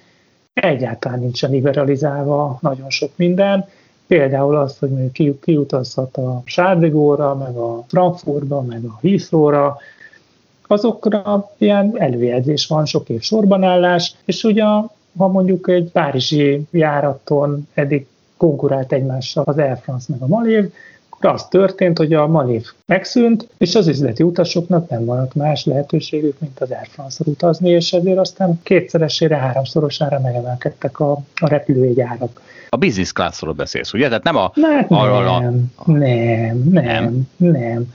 Nem. Én arról beszélek, aki egyébként szeretett helyet foglalni. Az ugye tíz évvel ezelőtt a fapadós ezettől nagyon messze volt, tehát hogy akkor még ez a betöröm az ajtót, beszaladok és keresek egy jó ablak melletti helyet, és igyekszek előbb odaérni, mint az utastársam, illetve hogy a repülőtér végi busz megállóból indul az én repülőm, és nincsen kaja. Tehát, hogy ezt a, business utasok, az nem business class, hanem csak az üzleti utasok ezt nem szerették, hanem ők úgy szerettek repülni, hogy menetrendszerűen felszállnak a megváltott helyükre, van egy normális kiszolgálás, és ugye Párizsba a, mondjuk a nem a, nem a 70 kilométerre Párizstól lévő repülőtérnél a repülőm, hanem, hanem a Sárlégólon, ahol a metróval vagy taxival gyorsan be tudok érni Párizsba. Na és Értem, akkor ezen... kettő közt, bocs, tehát akkor nem a utazások 90%-a, de nem is a 0,1%-a, hanem a 10%-áról van szó, ugye, vagy az utasok 10%-áról, igen, akik igen. Hát ugye jó, az arányokat nem tudom, tehát ez nyilvánvalóan, de nem, nem, tehát ez nem a hátizsákos turista, hanem az, aki hajlandó többet fizetni a, a, a repülőjegyért, és ezeket főleg nem is ő hajlandó, hanem a saját cége megfinanszírozza, de nem business class, mert a business class az még egy nagyságrendel többbe kerül. A másik, és ez szerintem ez egy ilyen nemzetgazdasági oldalról volt egy nagyon érdekes, hogy Budapest addig, amíg volt Malév, egy nagyon jó megközelíthető város volt. Most is az egyébként, csak más típusú üzleti utasoknak Budapest nem jól megközelíthető célpont most. Tehát attól, hogy van Ryanair meg Vizer a Európa 30-40 városából, ez még nem jelenti azt, hogy az üzletemberek szeretnek Ryanair-rel meg Vizerrel utazni, és a konferencia turizmus az egyértelműen megszívta. Tehát a Malév csődjével Budapest egy, egy nagyon sok európai városból egy elérhetetlen, vagy egy nagyon megdrágult célponttá vált, és nem érte meg Budapestre hozni ilyen eseményeket. És ebből nagyon sok év volt, mire kilábolt. Én szerintem most már kilábolt, és ez részben annak is köszönhető, hogy megváltoztak a, az üzleti utasoknak is a fogyasztói szokásai, és most már nem esik le a karikagyűrű a kezéről, hogyha a vizerre kell szállni, illetve a vizer is ugye bevezetett csomó olyan újítást, amitől az üzletutasoknak ez vonzó lett. De azért most is az van, hogy, hogyha más európai városokkal versenyezve, most Budapest szeretne valamilyen üzleti, és most nem, a, nem olimpiára kell gondolni, hanem mondjuk egy cég szeretne a az európai munkavállalóinak, vagy a, vagy a menedzsmentnek, tehát tudom 40 embernek szeretne egy jó hétvégi biznisz programot szervezni, az nagy esélye nem Budapest lesz, mert nagyon nehéz megközelíteni nagyon sok városból, vagy átszállással lehet idejönni, vagy közvetlen járat van, de nagyon drága, vagy, vagy csak fapados van. És én azt éreztem, hogy ezek a faktorok, ezek akkor nem lettek figyelembe véve, lehet, hogy nem is lehetett figyelembe venni, tehát nem akarok én itt igazságot tenni, de nagyon sok olyan üzleti szereplő volt a gazdaságban, akiknek közvetlen kára keletkezett a malév csődjéből, amit ugye előtte nem lehetett, vagy nem akartak számszerűsíteni, és ez azért összességében az gazdasági kárt is okozott. Tehát az egy dolog, hogy a Malév egy, egy elég rosszul működő cég volt, és hogy biztos, hogy lehetett volna jobban is csinálni, de hogy én azért gondoltam, vagy azért mondtam neked, hogy erről beszélgessünk, mert hogy én azt egy nagyon leegyszerűsítő reménynek tartom, hogy csak azért, mert hogy veszteséges volt, hogy csak lényegében a, a, a pénzügyi beszámolója alapján ítéltük meg a Malév szerepét. Nem egészen, ugye, hanem azt mondtam, hogy veszteséges volt, és a piac milyen jól beugrott a helyére. De most, amikor amit te hoztál új pontokat, hogy azt mondod, hogy van, ahol nem nagyon ugrott be, de ugye, tehát egyrészt abban szerintem nincs igazad, hogy az átmeneti piaci problémákat fölhozod, mert azért ezek most már, ahogy te is mondod, azért ezek most már egyre inkább megoldódnak, és még csak tíz éve, vagy nem tudom, hogy ez csak vagy sem, de hát most tíz éve vagyunk ugye a Malév csődje után, és most arra már ezek nagy, egyrészt megoldottak. A másik viszont, azt én is érzem, tehát ez olyan, mint amit a filmiparral kapcsolatban is mondtál, hogy azért érdemes államilag támogatni, mert így a gazdaság többi pontján bőven beszed annyit az állam, mint amennyi a támogatás volt a filmiparban, és akkor ugyanez igaz a Malévra is, hogy amennyivel támogatja az állam, annyit bőven beszed az állam is a teljes gazdaságban ezeknek a turistáknak a nem elvesztésével. Úgyhogy ez, ez szerintem is egy tök jó ér. És ugye mondtad, hogy nem akarsz hibás keresni, és hát nem nagyon van hibás, hogy ezt az EU tiltotta meg, hogy államilag támogatva legyen a malév, és ha másképp nem tudott a levegőben maradni, akkor így kénytelen volt megszűnni. Tehát azt hiszem Magyarországon... Hát azért, bocsánat, azért hibást, az nem az EU volt a hibás. Tehát az EU abból a szempontból volt legfeljebb hibás, hogy van egy állami támogatásokról szóló keretjogszabálya, amiben most itt a minden eset más, és azért minden körülményekre nehéz ilyen keretjogszabályokban figyelembe lenni ha, hát ha hibást keresünk, akkor a Malév meg a kormány volt a, a két hibás, mert egyébként egy sok-sok-sok éven keresztül rossz. Tehát azért van még egy él egy lot, tehát nem sikerült ezt privatizálni, amikor privatizálni akarták már, akkor már nem jó helyre adták, tehát hogy nagyon sok rossz döntés volt, és aztán a végén, tehát hogy ez, ez nem a mostani kormány, az előző kormány is volt, de végül is a mostani kormány alatt múlt ki, amit a mostani kormány csinált rosszul, az meg ott egyértelműen a csődmenedzsment volt, mert hogy, hogy, hogy, hogy hát, mert hogy pénznél, hát a Swiss,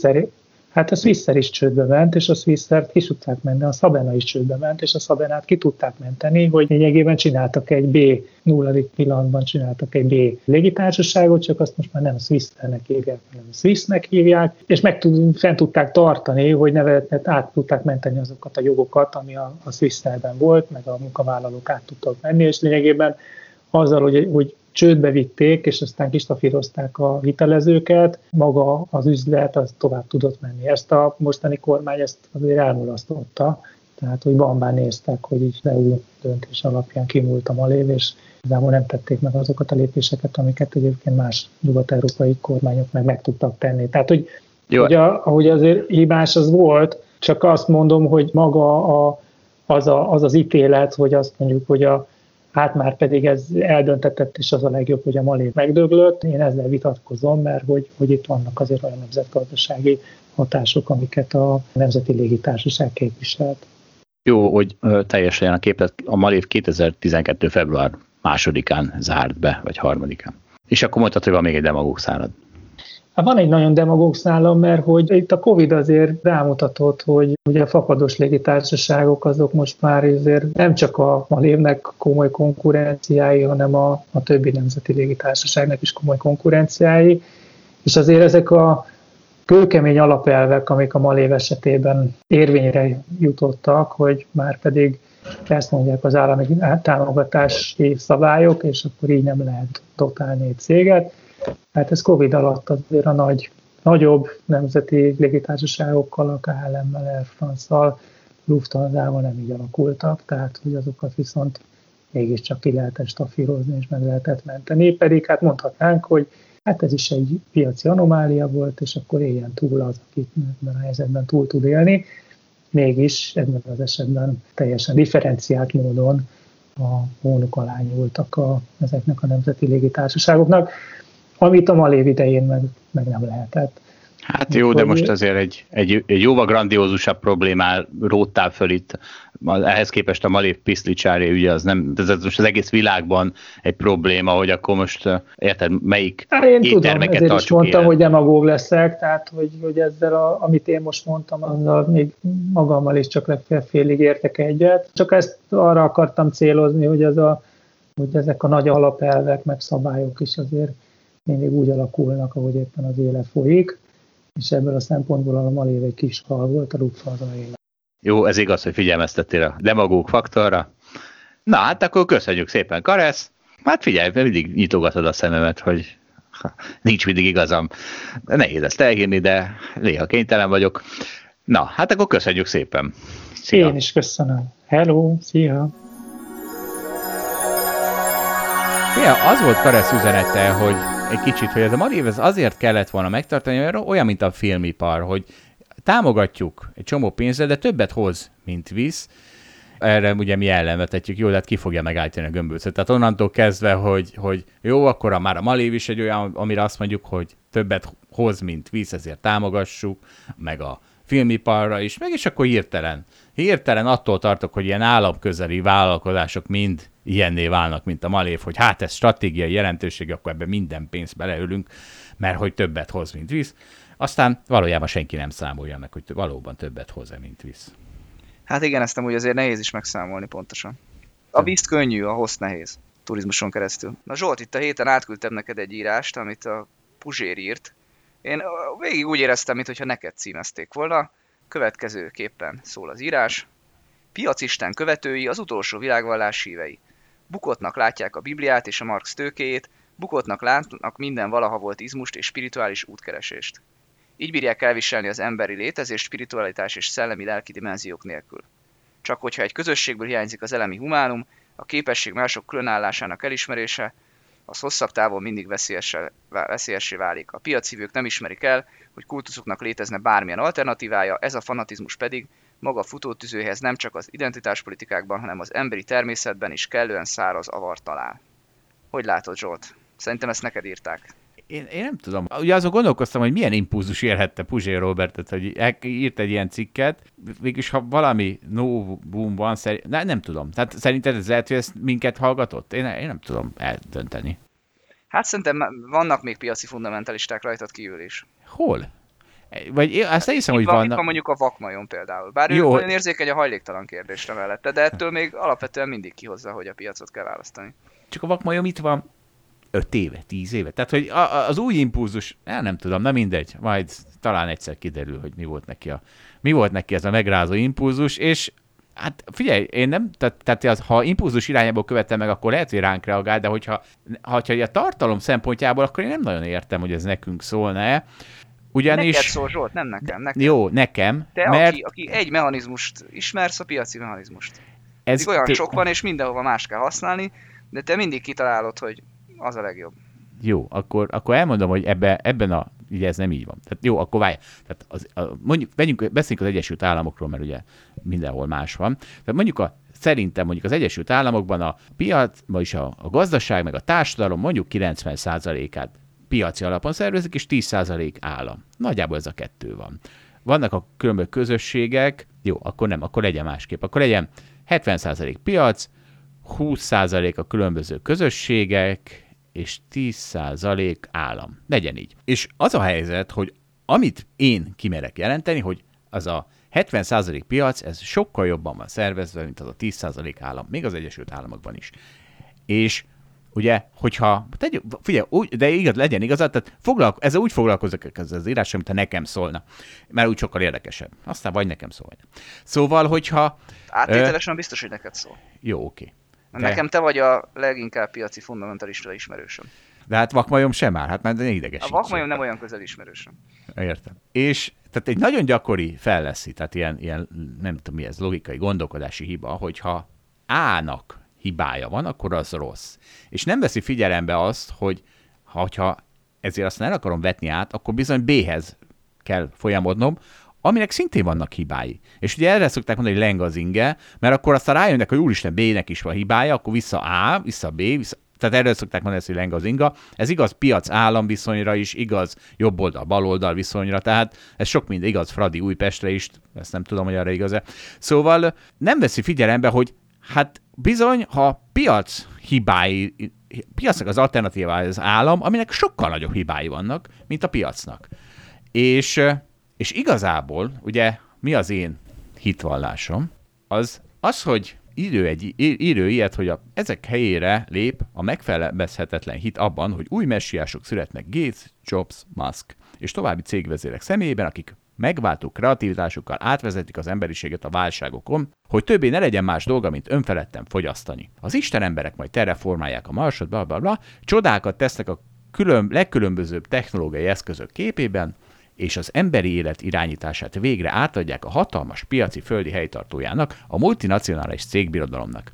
És az előbb, amit kifejtettem, abból az következik, hogy azt azért el lehet mondani, hogy Gates, Jobs és Musk azok alkalmasabbak, ugyanis ők valamiféle meritokratikus úton jutottak el oda, hogy Gatesek, Jobsok és Muskok legyenek, mint a úgynevezett választott vezetőink, akik egy egészen másfajta meritokrácia útján lettek kiválasztva, ki tud ügyesebben kézkezet most mutyizó világban szavazatot gyűjteni. Meg ugye Trumpról nem is beszélve, aki meg a valóság sok világában volt nagy, nagy, nagy, nagy menő. És a, tehát a demokratikus szűrő az sokkal rosszabbul működik szerintem, mint a piaci szűrő. Ez, ez, ezzel nem lehet vitatkozni. Tehát egy Elon Musk vagy egy Bill Gates alkalmasabb bármire, mint Trump, hát én, én, én nem tudom. Tehát összesen összesen hasonlíthatta a kettőt. Kire szeretném jobban bízni az életem megszervezését Bill Gatesre, vagy Donald Trumpra? Na hát azt hiszem egyszerű ez a válasz. Na, és akkor most, ha beleköthetek, itt megállíthatlak, hogy na, itt, itt a legnagyobb baj, ahol szerintem nagyot hibázol, hogy a kettő tök másra van, és ez így van jól.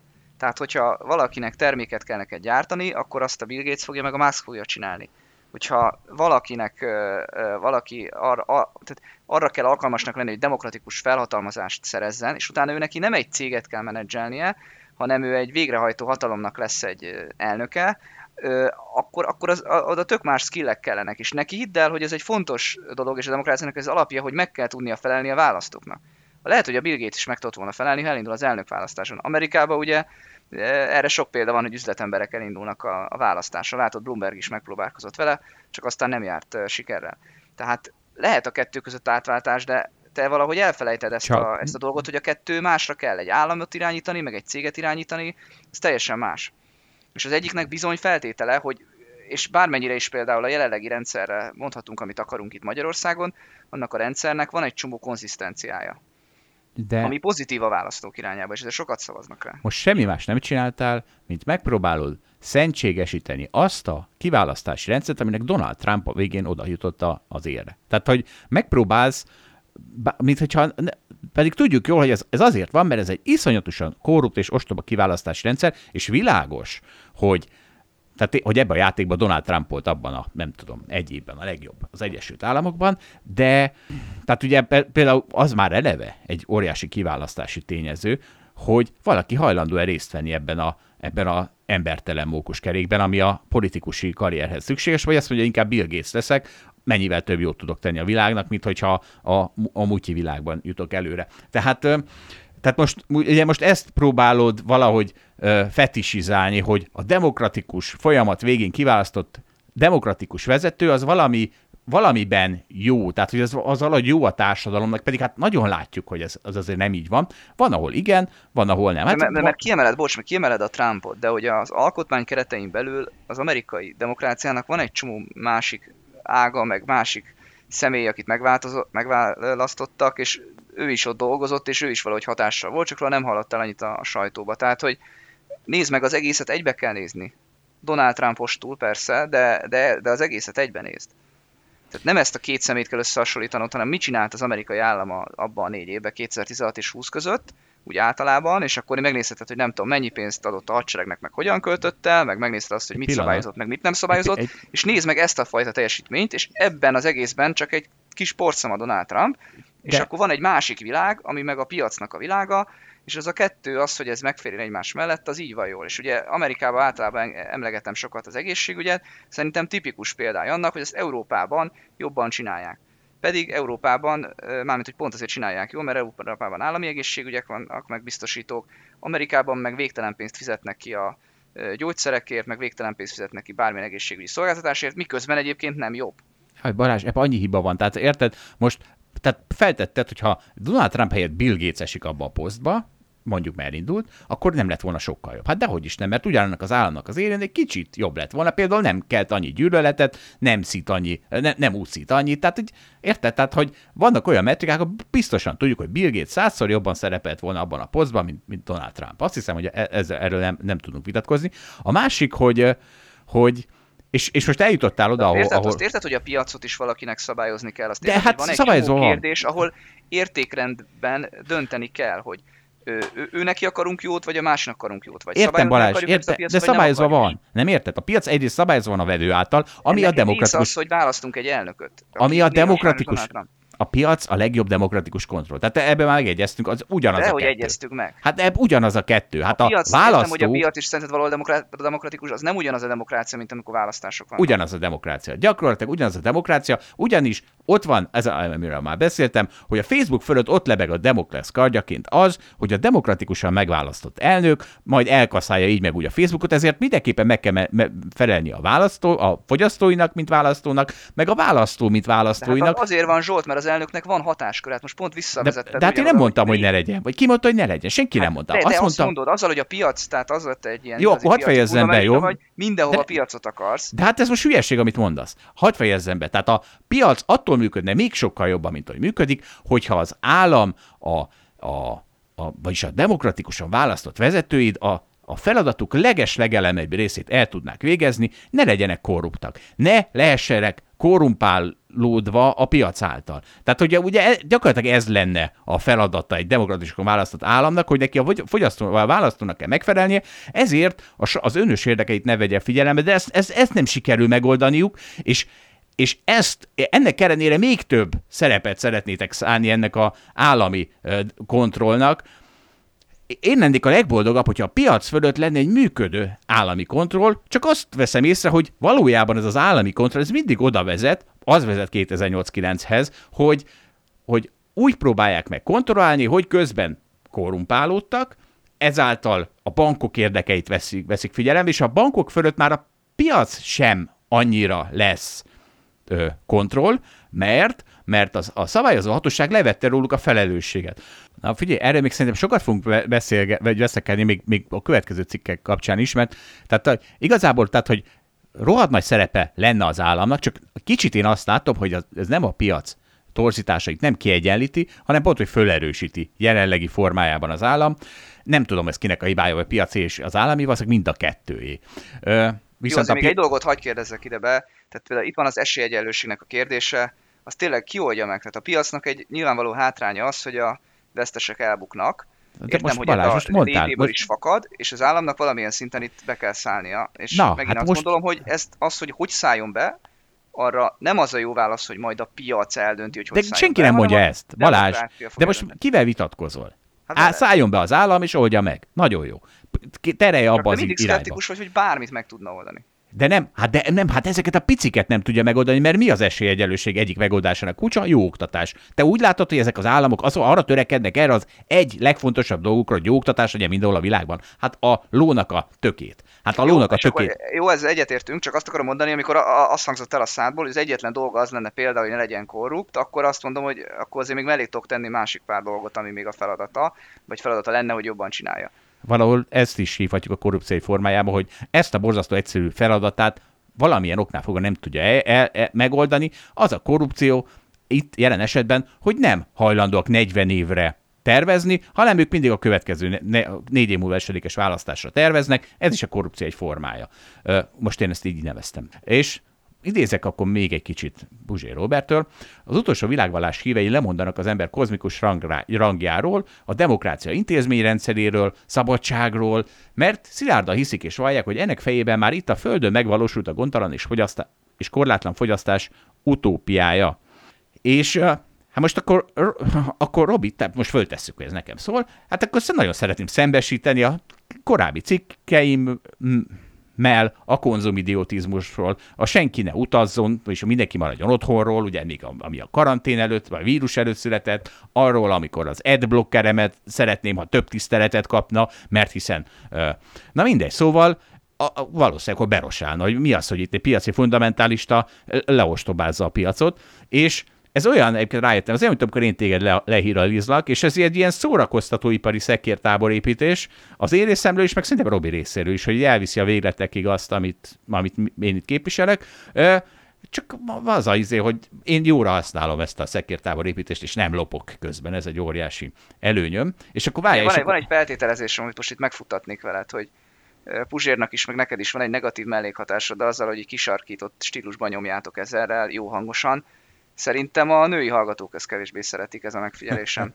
Tehát a, a Puzsérnak is, nem, nem ismerem a statisztikáit, de a Facebookján úgy látom, hogy szinte mindenki férfi, aki ír neki, és hát a mi hallgatóinknál is ez a helyzet, úgyhogy itt lehet hasonlóság. Csak hogyha meg... Nem tartalmilag e... hasonlóság, hanem stílusban. Ha és ennek az a vége, hogy nincs női hallgatónk. Ha eltolódsz abba az irányba, hogy a nőknek tetszen, akkor meg a férfiak fognak kevésbé tetszeni, és az a kérdés, hogy melyik a... Hát egyrészt ugye... Ha jó, e... te melyiket választanád? Ha, le, ha de, lehet.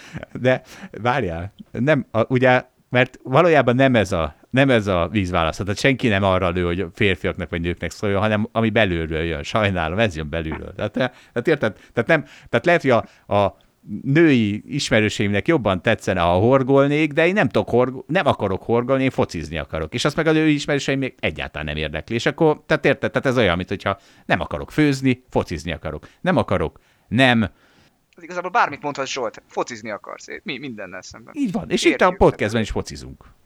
Ez van. Tehát érted, nem vagyok jó. így van, így van. Fociba vagyok. Most egy kicsit nem... rátámadtam valóban. Na de. Nem, a, nem akartam az integritásodat ilyen erősen sérteni, sajnálom, ha így érezted. A show kedvéért csináltam, tudod? Jó, akkor show kedvéért visszamegyek még kicsit Pozsér Roberthez, és azt mondja, tehát igen, ez a piaci globalizmus hívjuk hitnek. Viszont akkor nevez, tehát akkor viszont vegyük észre, hogy szemben az összes többi hittel, ez egyelő a világbékével, miközben az összes többi hit, hát az nem. Az abból a nacionalizmusból háború lesz, a izékből, a vallási ellentétekből háború lesz, meg öldöklés, ebből nem lesz. Sőt. De ne, nem mond már, Puzsir írja, hogy a robotok. Az amúgy ezt nem értem azt, hogy hozta be. Szerintem egyébként úgy, hogy a pia- piacot, ha hagyjuk, akkor végül a robotokat is hagyni fogjuk dolgozni, és akkor majd vége lesz a világnak nem tudom a robot szállt, most én azt nem tudom, de most akkor jöjjön az én szállam, mert azt tudom. Hogy ezt már egyszer elmondtam, de azt már rég volt, úgyhogy még egyszer, hogyha a minden ország, és mi gondolkozunk országokban, kedvetekért, tehát ha minden ország a szomszédos, sőt, még ha legalább kettővel arrébi szomszédjától hozathat, importálhat csak, tehát nem, nem készíthet. Csak onnan hozathat sört, kenyeret és energiát, onnantól kezdve meg fog szűnni a háború. Ezt garantálom. Ugyanis akkor, hogyha bárkivel összerúgod a port, akkor azt jelenti, hogy nem lesz sör, kenyér, meg energia az országodban. Hát ezt rohadtul nem akarod. És ugye a globalizmus valahol ebbe az irányba halad, és ez a gazdasági interdepencia, ez arról szól, hogy bizony megvalósul a világbéke, Ugye erről szól a világ most már, erről szól az EU. Hát az EU arról szólt, hogy hogyan pacifizáljuk a németeket, úgy, hogy az összes ö, eszes szomszédjával olyan gaz, először gazdasági, aztán reméljük politikai szimbiózist alakítunk ki, amitől aztán már nem éri meg nekik összerúgni velük a port, mert mi a szarér? Miért jó elküldeni tankokat a szomszéd országba, amikor meg is lehet vásárolni azt az olajat? Ja, hát ezzel abszolút egyetértünk. Ez a piacnak egy jó része. És ez az egész világon talán még fontosabb, mint most az EU-n belül, ami már csak nem háborúzna egymással. Hát szerintem ezt az EU miatt mondott. Tehát a háborúk nem, nem tudom... Az EU egy nagyon jó példa, és azt gondolom, hogy nem tudom, az 50-es években ez valószínűleg egy fontosabb dolog volt. Remélem amúgy se háborúznának, de azt akarom mondani, hogy a közel-kelettől a világ minden tájáig valószínűleg ott ugye kevésbé működnek ezek a dolgok, úgyhogy a piacnak még lehet ilyen áldásos hatása. De mondjuk Igen. Amerika, Kína itt van, mondjuk nem rossz példaként. Igen. Na figyelj, és akkor térjünk, vagy menjünk át erre, mert ez nagyon, nagyon vicces, ez a piac fölötti demokratikus kontroll szempontjából, ez a nem is tudom, ez Gulácsi, Rutka, Petri gét, ami itt most folyik a, minden a csapból is. Ne kerteljünk. Mit ne gondolsz kert... arról, hogy Petrit kirúgták? Szerintem az gáz. De, és az, hogy Ja, persze, ja, persze, hogy gáz. Hát ugye... Mert mi mindegyik gáz. Hát, a, a Rutkával is kezdhettük volna, csak az teljesen egyértelmű, hogy az, az nagyon gáz, és a Petrit kirúgni is nagyon gáz. Mindenkit kirúgni nagyon gáz. De persze, nagyon érdekes, mert nem vezettük fel, de azt gondoljuk, hogy ezt a hallgatók mind olvasták. Így van, nem ezt most nem, nem, nem megyünk bele. És ugye nem történt más, ezek az események, ezek nagyon két, két vonalra húzzák alá azt, amit én mindig mondok, hogy nincs különbség baloldal meg jobboldal közt, ugyanúgy uh, uszít gyűlöletet kelt, ugyanúgy utálja, hogyha más a, a véleménye. Ugye uh, így fogalmazta meg, a nem, már nem is tudom kicsoda az Egyesült Államokra vonatkozóan, hogy van két rasszista pártunk, csak az egyikben pozitívum a fehér bőrszínem, a másikban negatívum. És, és jó, azért ez minden irányba túlzás, de oké. Okay. Minden irányba túlzás, de a probléma gyökerére nagyon jól rávilágít. Na figyelj, ugye azért van egy nagy különbség a szokták ezt a, hogy de hát aláírta a sokszínűség csártáját, és, és, és akkor, akkor úgy teljesen helyes, hogy kirúgták most ez a Petri. Na de könyörgöm, hát ezzel gyakorlatilag amellett kardosgatnak ezek az emberek, hogy akkor viszont a Magyarországon meg legyen egy egyszínűség csártája, amit ezen túl a NER mindenkivel aláírt, és akkor nyugodtan rúgdoshat ki embereket, akik a NER politikai nézetével szemközti véleményt fogalmaznak meg. És félreértés ne essék, nekem is sokkal szimpatikusabb a sokszínűség csártája, mint az egyszínűségé. Csak el kell fogadni, hogy sajnos nem mindenkinek. Mert az egyszínűség pártiaknak az ő fejükben nekik van igazuk. És ezt a víruspánik után igazából már, már nem is lehet belekötni, az a baj. Nagyon vicces helyen igazolódik az vissza, hogy ez a karanténvilág, ez mennyire leépít mindenféle nem tudom, társadalmi normát. Ugye mi történt? A pánikmédia elhitette az emberekkel, hogy a békaügettetéssel életeket lehet menteni. A NER propaganda meg elhitette az emberekkel, hogy a migránshozással és a migránsok elleni kerítésépítéssel életeket lehet menteni. Mindkét buborék fejében kialakítottak egy hisztit, amitől a tök hülyesség tök jónak látszik. Szóval az a helyzet, hogy senki nem papokat senkinek, csak én mindenkinek. Sajnálom. És, de, tehát tehát e- e- ezek a párhuzamok. És ami nagy különbség, az megint a piac. Tehát ugye, és most kicsit messziről indulok, de ez, ez nagyon érdekes lesz. Hát legalábbis nekem az volt. Ö, szerintem te is, hallod, te is ismered még a futballligánokat, meg a futball... Nem? Ezek megvannak, hogy kik azek? Hát most vannak futballhúgónak a világban, vagy valami konkrétumra kell gondolni? Ne, nem, hát hogy, hogy ez mekkora probléma volt 20-30 ja, évvel igen, ezelőtt. Igen, megvan, megvan. É, tehát ugye ennek a problémának a csimboraszója volt a helyzel tragédia, ahol Brüsszelben játszottak egy Juventus-Liverpool mérkőzést, és semmi más nem csináltak a derék brit szurkolók, hát ők a futballhuligánok csimborászói voltak, mint azt, amit minden héten eljátszanak a angol bajnokikon, vagyis legalábbis akkor eljátszottak, oda gyűltek a szektoruk egyik sarkába, Majd így, mint egy ilyen csorda, megindultak a másik szektor irányába rohanva, mint a oroszlán királyban a bölény csorda, ami aztán eltaposta szegény színbe apukáját. Na most ezt minden héten eljátszották, itt is eljátszották. És közben még itt kerítés is leröntöttek, de hát ott, ott ez volt a, izé, ez volt a, ez volt a, mit tudom én mi, a, a oka. Nem, nem, nem, nem, nem, ez még nem, ez még nem az a kerítés. A két szektor közti vékony kerítés is leromlott, tehát úgy csináltak, mint a mindjárt eltaposnak a Juventus szurkolókat, de ez mindig azt jelenti, hogy megállnak, visszamennek, újra eljátszák. Tehát ez volt a játék lényege, csak ezt a Juventus szurkolók nem ismerték. Ők azt látták, hogy jön a börénycsorda, kétségbeesetten elkezdtek menekülni, fölmásztak arra a kőfalra, rájuk omlott, 40 ember meghalt, 100 nem tudom hány megsérült, és ekkor indult el az a folyamat, hogy hát ezektől egyrészt meg kell szeridíteni a futballhuligákat, másrészt meg kell szabadulni tőlük. És a legszebb, legszebb Egyébként jaj, még egy mondatot idézek ebből a helyzet tragédiában, ez nekem nagyon tetszett. Másnap Margaret Thatcher brit kormányfő nyomására az FA, tehát a angol futballszövetség visszavonta a következő évre az összes angol csapat nevezését az európai kupákból. És aztán utána az UEFA is kitiltotta őket, tehát mindegy volt, de akkor is ezt el tudod képzelni, hogyha valami magyar futball probléma lenne, akkor Orbán Viktor jelezni, hogy a magyar futballcsapatok hibásak, zárják ki őket mindenhonnan. Tehát ez a, azt hiszem ez a jó politikus, egy kis kis, nem tudom milyen, nem? Egy jele, hogy tehát elszarta az, hogy hát a britek, britek a britek érdekeit kell képviselni, kérte az f hogy azonnal minden. Na, ez nekem nagyon tetszett. Na de, nem, ez, ez mellékszál. Ami nem mellékszál, az az, hogy elindult ez a tiszt... Abban nem biztos, hogy értenék, hogy az egész országnak az összes csapatára ez vonatkoznia kellett, de nem tudom, mi volt akkor a... E, ez, ez, ez, a teljes kultúra része volt. Tehát a Liverpool az nem kilógó példa volt, de nem nagyon. Tehát ezt a Manchester United szurkolók is megcsinálták volna. Na de Szóval ezért aztán elkezdték tisztítani. Először Angliában, aztán pedig egész Nyugat-Európában a futballt. Ugye egyrészt jöttek ezek a, a azonosítható szurkolók, és aztán kitiltják azokat, akik, akik randalírozzak. Másrészt borzasztóan megdrágultak a jegyek, ezáltal a, azok a szegényebb rétegek kiszorultak, akik közt talán e, erre nagyobb nem tudom mi, vonzerőt jelentett ez a fajta huligánizmus, és eltolták ugye a, piac, a futball piaci keresletét a, a középosztály, a konszolidáltabb középosztály irányába, akik egyrészt valószínűleg többen is voltak, mert addig nem mertek gyakorlatilag nagyon gyakran futballmérkőzésre menni, pláne a gyerekükkel. Gondold el, 11 éves gyerek is halt meg a, a, ebben a helyzet tragédiában.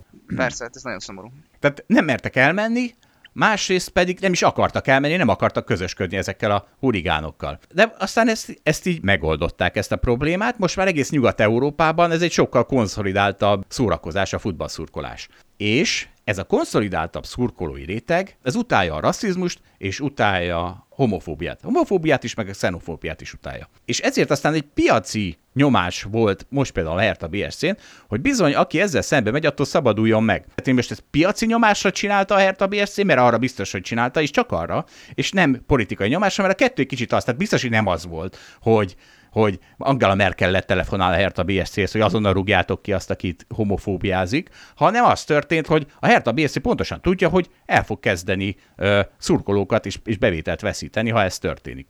És Magyarországon ugye ez pont fordítva van. Tehát Magyarországon nincs piac a futballban, semmi. Tehát egy, a legjobb csapatoknak a 20-30%-át szedik a bevételüknek piacról, a legrosszabb meg a 2-3%-át. Tehát semmi piac, az egész egy állami labdarúgás, és az történik, hogy itt viszont aztán nincs ez a piac, legalább be, be lenne iktatva ez a piaci kontroll, vagy piaci lépcső, hanem egyből itt bizony, hát nyilván nem Orbán Viktor, de hát a, az a szellemiség uralkodik a állami fociban is, hogy hát bizony, aki a, a Fidesz propagandával szemben megszólal, az azonnal legyen kirakva a NER közeli focikból, de még, még szakkommentátor se lehessen a NER közeli tévében. Ugye ez volt Rutka János esete, és ez az óriási különbség, hogy hogy ha a piac be van iktatva, akkor egy kicsit talán más a dolog, mert akkor olyan, mint amikor Amerikában azt olvasott, hogy egy cukrász nem hajlandó megcsinálni a meleg házaspár esküvőjére a tortát, és akkor nem az van, hogy akkor, akkor elsöpri őt a, a, a politika, hanem az van, hogy azzal kell szembesülnie, hogy akkor most a vevői egy része el fog pártolni, az a vevői egy másik része viszont meg lehet, hogy inkább jön oda, és így emiatt a piaci nyomás miatt kell aggódnia, nem a politikai nyomás miatt, és valahogy ezt azért sokkal jobban elviseljük, és akkor visszaértünk Pusé Roberthez is, hogy mi a jobb, ha a piac vagy a politika ta, izé, nyom ilyen szempontból téged. Igen, csak azt akarom mondani, hogy tehát hogyha nem nagyon extrém az a megszólalás, akkor azt gondolom, hogy a politikai véleménye alapján nem kellene kirúgni senkit a munkahelyről. Kivéve mondom, hogyha ennek most piaci következményei Igen, vannak. igen, Tehát nem tudom, hogy ez mennyire reális, hogy ennek igazán nagy piaci következménye lett volna. Szerintem abszolút, hát nem látod ezeket a bolykottokat. Tehát én ezt gondolom, hogy ezért rúgták itt csak, és ez kétségtelen, tehát ezért aztán nehéz distinkciót tenni a Herta, és úgy általában az a Bundesliga szurkolótábora, ott az a norma, ami Magyarországon az egyik legsarkalatosabb politikai téma lett, ott a gyakorlatilag a teljes társadalomban teljesen elfogadott, hogy a xenofóbia és a rasszizmus az legyen a szemétdombon. Hát Magyarországon ez sajnos nem így van. Na jó, mindegy. Ebben nem akarok vers- vitatkozni, én sem tudom nyilván, de, de nekem azért a fejemben ez van, hogy, hogy itt, itt azért a, egy simán piaci alapon is kinyom, tehát mindenféle politikamentesen is piaci alapon is kinyom, ki, kiraknák, tehát tudja, hogy mondana valami totál hülyeséget, aminek semmi köze a politikához, tehát mit Hát tudom igen, én. azért is kirakatnak, tehát ez világos, tehát hogyha a Herta bevétel felét elveszíti, akkor értem, hogy miről van szó, csak szerintem itt nem ez a helyzet azért, de nem tudom, értem a logikádat. Na, hát akkor nézzünk egy olvasói levelet, és ezt most Szabó Laci küldte.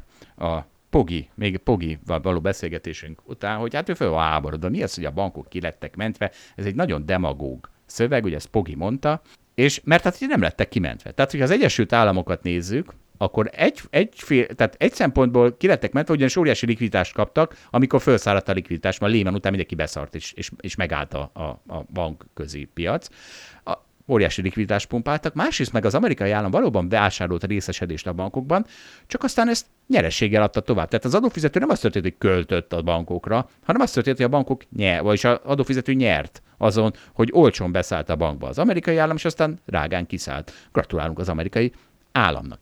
A másik, hogy amit mondani, és Európában sem igazán lettek kimentve, ugyanis és igen, ezt el is felejtettem mondani, de hát ott, ott a Poginál sokszor csak hápogtam. Szóval, hogy tényleg az történt a görög bankokkal kapcsolatban Európában, hogy nem az lett, hogy kilettek bent az európai bankok, a francokat lettek kimentve, azok, azok a gatyájukat is ráfizették, mint ahogy még mi is ráfi, én is ráfizettem, mert az történt, hogy a bank, a görög kötvények leestek a francba. 20%-ra leesett az árfolyamuk, és én ott is vettem még tehát én ott vettem görög kötvényt, aztán még azt is szétstruktúrálták nekem, és most itt szívok a mai napig, mert vannak ilyen 10 forint névértékű kötvényeim, ebből van vagy 20 darab, amiket nem tudok eladni, mert a broker cégem nem hajlandó 10 forintnyi kötvény, ilyen, ilyen 2000 42-ben lejáró görög kötvényen foglalkozni, úgyhogy csak így kapom a évi egy eurós ö, osztalékaimat, vagy nem tudom, miket ezek ö, kuponjaimat, és akkor hát lehet, hogy ez az életem legjobb befektetése, mert amikor majd lejár, akkor kifizetik, és addig kamatozott nem tudom mennyit, de hát... Ö, De Zsolt, szóval ez... addig is büszkén finanszírozhatod a görög államot. Jó, hát ez, de nincs gond, nincs gondom nekem ezzel, csak hogy nem, ja egyébként, tehát hogy ki lettek mentve a bankok, tehát az Amerikában, most megnéztem, minden évben mennek csődbe bankok, tehát ez nem úgy van, bankok ki vannak mentve, azért lettek azok akkor kimentve, mert fingja nem volt senkinek, hogy mi lesz, tehát már amennyire ki lettek mentve, azt érezték, hogy valahol be kell avatkozni ebbe a folyamatba, meg összeomlik az egész gazdaság, és akkor, hogy mi az egyszerűbb, talán ez volt a legegyszerűbb, de azért tehát bankcsődök minden évben vannak a Egyesült Államokban, 2009-ben 140 darab, 10-ben 160, aztán 90, 50, 20, 18, és mit tudom, tavaly 4, tavaly előtt 4, egyedül 2018-ban nem ment csődbe bank az Egyesült Államokban. Szóval nem úgy van, hogy kimentik a bankokat, hanem megpróbálták megmenteni egy összeomlástól a gazdaságot, és ezt találták a talán legkevésbé surlódó, vagy a legnagyobb, leg, eh, szóval a leg élhetőbb módjának a kimentésnek, de hát azért azt vegyük észre, tehát, hogy egy óriási bankcsődben bizony a bankbetétesek szívnak a legnagyobbat, és akkor most odaértünk, hogy a másik felvetésemhez, hogy mert ki a bank? Ezzel mindig gondolkoztam, hogy te is engem besorolsz a bankok közé, mert dolgoztam már bankban, de ki a bank? A bankban a biztonsági őr? Hát ez biztos nem. A bankban az elemző akkor épp a gatyáját is ott hagyta a 2008-9-es válságon. Valószínűleg az sem. Érted? A marketing osztály? Hát az sem. Ö, talán a vezérigazgató, mert ő ő azt hiszik, hogy döntési pozícióban van, de hát aztán a francokat, mert például az OTP, amelyik ugye sokáig nem volt hajlandó devizahitelezésben részt venni, egyszer csak nem bírta tovább, és beszállt ő is, és még pont időben ahhoz, hogy ők is egy csomót bukjanak a devizahitelezésen. Szóval, hogy ki a bank, nagyon nehéz ezt megfogni, és a tulajdonosok sem, mert hiszen ők meg aztán pláne nem lettek kimentve, mert akinek banki részvénye volt, hát annak aztán tényleg el lett söpörve a vagyona. Hát szóval... Hát kevesebbet bukott, mint nem lett volna mentés, azért lehetséges. A részvényes az nem? Hát attól függ, a, igen, tehát a tőkemelésnek milyen formája volt ez. Például a görög bankokon azért so, ott mindenki bukott. De az amerikai bankokon is. Tehát a, a, a részvényárfolyamok, tehát már új, új, új részvények vannak, meg, meg sokkal több. Tehát a, maguk szerintem, nem, a... szerintem Amerikában nem nullázott az, aki banki részvényes volt. Nem, hanem 99% mínuszban volt. De aztán onnan, onnan visszajött, az már egy, egy más kérdés, mert ott már mindenki bárki Ha előtte kinulláztad, és utána jössz vissza, akkor más kérdés, de lehet, hogy mit tudom én, megtart, tehát lement, tehát lehet, hogy nem bukott annyit az amerikai, én azt akarom mondani, mint De Balázs, ha lement egy százalékra. Hát ha oda lement, akkor igazad van, csak nem vagyok De lement. hogy minden hát lehet, hogy 10 százalékra ment csak le. Tehát, hát tehát lement. Jó, de akkor ott már bárki beszállhatott, érted? Tehát, hogy az már nem... Figyelj, esik már... egy cég, 30, 70%-ot, 30%-on tőkét emelnek, és aztán visszatért, akkor, akkor az egy jobb helyzet, mint hogyha nem kapott volna ott tőkét, és azonnal nullázott volna. Ha 99%-ot esett, és ott emeltek tőkét, akkor majdnem mindegy, hogy nullázott -e, ebbe így igazad van. Erről beszélgetünk most. Jó. Nem mindegy, hogy a tőkemelés milyen áron történt. Nem az tudom, miről beszélgetünk. Nem tudom, miről beszélgetünk, de beszélgetünk. Na figyelj, most akkor beszélgessünk valami arról, tudom, hogy miről szól. John Cleese kalandjai az NFT-vel. Ezt már említettem néhányszor, de ez, de ez óriási. Most elérte a, a sztori a zenitjét. Az történt, hogy a John Cleese rajzolt egy hidat. Hát egy nagyobb béna hidat. Fölrakta NFT-nek. Ugye erről beszéltünk a múltkor uh, Dáviddal. Blokkláncon keringetett műalkotások, mondjuk így, amiket meg lehet venni. És végül eladta a hídját 17,8 e- Ethereumért, ami bizony több mint 10 millió forint és akkor utána elmondta, hogy miért egy hidat rajzolt. Van egy angol mondás, ami úgy szól, hogy ha ezt elhiszed nekem, akkor I got a bridge to sell you. Ez gondolom nem tudod, miről szól, ugye? Elad egy hidat, ami nem is az övé. Okos, okos, várjál, de ma utána olvastál, most azt, azt keresem, hogy... Most hogy, belolvastam, így van. Hogy azért ez kerekebb sztori ennél. George C. Parker. Hát egy nagy Dave Portnoy van dolgunk. 1860-tól 1936-ig élt, és állítólag 30 éven keresztül hetente kétszer eladta a Brooklyn hidat. Hát nyilván nem az övé volt, pláne a hetente kétszer eladja, de ezt onnan lehetett tudni, hogy a rendőrök hetente egyszer-kétszer begyűjtöttek valakit a Brooklyn hídról, aki éppen pakolta ki az infrastruktúrát ahhoz, hogy elkezdhessen hídpénzt szedni. És akkor mondta, hogy hát én most vettem meg George C. Parkertől, a rendőrök kiröhögték, és mondták neki, hogy a héten te vagy a második, az évben te vagy a századik, és akkor, tehát akkor ebből jött ez a mondás, hogy ha hiszel nekem, akkor eladok neked egy hidat. És ugye John Cleese lerajzolta ezt a hidat. Tehát, hogy egyszerre kiröhögi a vevőjét, hát megkapta a hídját, de hát ki van röhögve, tehát hülyének van nézve, ugye? Tehát ez, ez érted, ugye, a sztorit? Igen, igen, igen. Egyébként azt akarom még hozzátenni, hogy ha lenne árindex, hogy az elmúlt 30 évben hidat, akkor ez is most magasan lenne a részvényárakhoz képest. Most, amikor mindent vesznek, minden hülyességet, akkor, akkor lehet a, az ilyen szélhámosoknak a legjobb időszaka. Hát ez az ingatlan, tehát azért az ingatlan, azok jól mennek. És uh, azt kell, hogy mondjam, hogy John Cleese, ő egy harmadik szintű Dallas néző. Ugye azt a múltkor mondtam, van az első szint, a hülyék, akik nézik, a második szint, a, a, ne, a nem hülyék, akik azt mondják, hogy csak a hülyék nézik, és van a harmadik szint, aki talál valami jót benne, és akkor mégis nézi.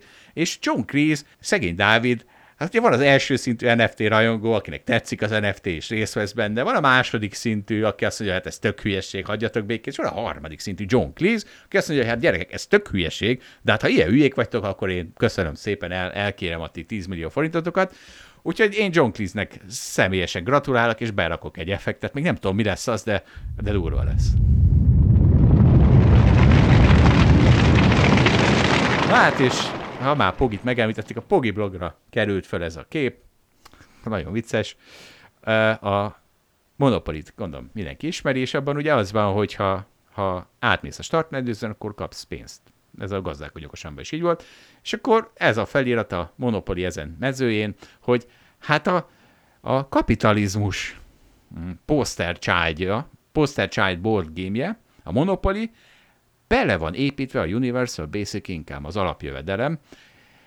Eddig tök jó, ez vicces, de aztán hozzáteszik a propaganda mondatot azért, hogy ettől lehessen játszani a játékot. Mintha ettől lehetne játszani, játszani a játékot, mert valójában nem, tehát ez a teljes jövedelemhez képest hogy borzasztó kicsi az a, az a pénz, amit ott az átmenetelkor kapsz, és az életben sem az alapjövedelemtől lesz az játszható, inkább a sok munkától, meg a sok ö, ö, tanulástól lesz az játszható, és egyébként e-, ezzel kapcsolatban, tehát azért azt észre kell venni, hogy alapjövedelem van, még akkor is, ha nincs. Például a az oktatás az egy alapjövedelem. Csak azt, mond, azt mondták az államok, hogy hát emberek nem fogjuk nektek odaadni készpénzben, mert olyan hülyék vagytok, hogy elhegedülitek, meg plazmatévét vesztek bele. Így oktatás van, formájában kapjátok meg ezt az alapjövedelmet, és tehát az is egy alapjövedelem, és ráadásul elég sommás alapjövedelem. Szóval vannak alapjövedelmek, és azért folyamatosan van téve az egyenlőtlenség ellen, hát nem elég, ebbe, ebbe, ebbe ez kétségtelen. Hát Zsolt, egyetértek, az oktatás egy alapjövedelem, csak a gyerekeknek azért hamar meg kellene érteniük, hogy ez pontosan az, és azért ezt nehéz átadni. Jó, de ez nem a gyerekeknek alapjövedelem, mert, mert nem, nem, ők, nem ők ágálnak az alapjövedelem, hanem a szülőknek. Tehát érte a szülők kapják ebbe a formában. És ők meg az igazán megérthetnék, de persze ők se értik meg. Na de, amit mindenki megérteni. Most olvasom, hogy megszűnik a távirat. Tudod te mi az a távirat? Hát, tudom. Jó van. Én, én szerintem már én se adtam föl soha az életbe ilyet. Úgyhogy egy ilyen szomorú, vagy talán inkább örömteli hírrel szeretnénk befejezni a podcastet. Mindenki adja föl gyorsan az utolsó táviratát, hát ha még lehetséges, és kellemes hétvégét kívánunk. Ez lesz a podcast ekkora, a táviratkora lejárt. Itt van a podcast akkora. Így van. A viszontlátásra. Sziasztok!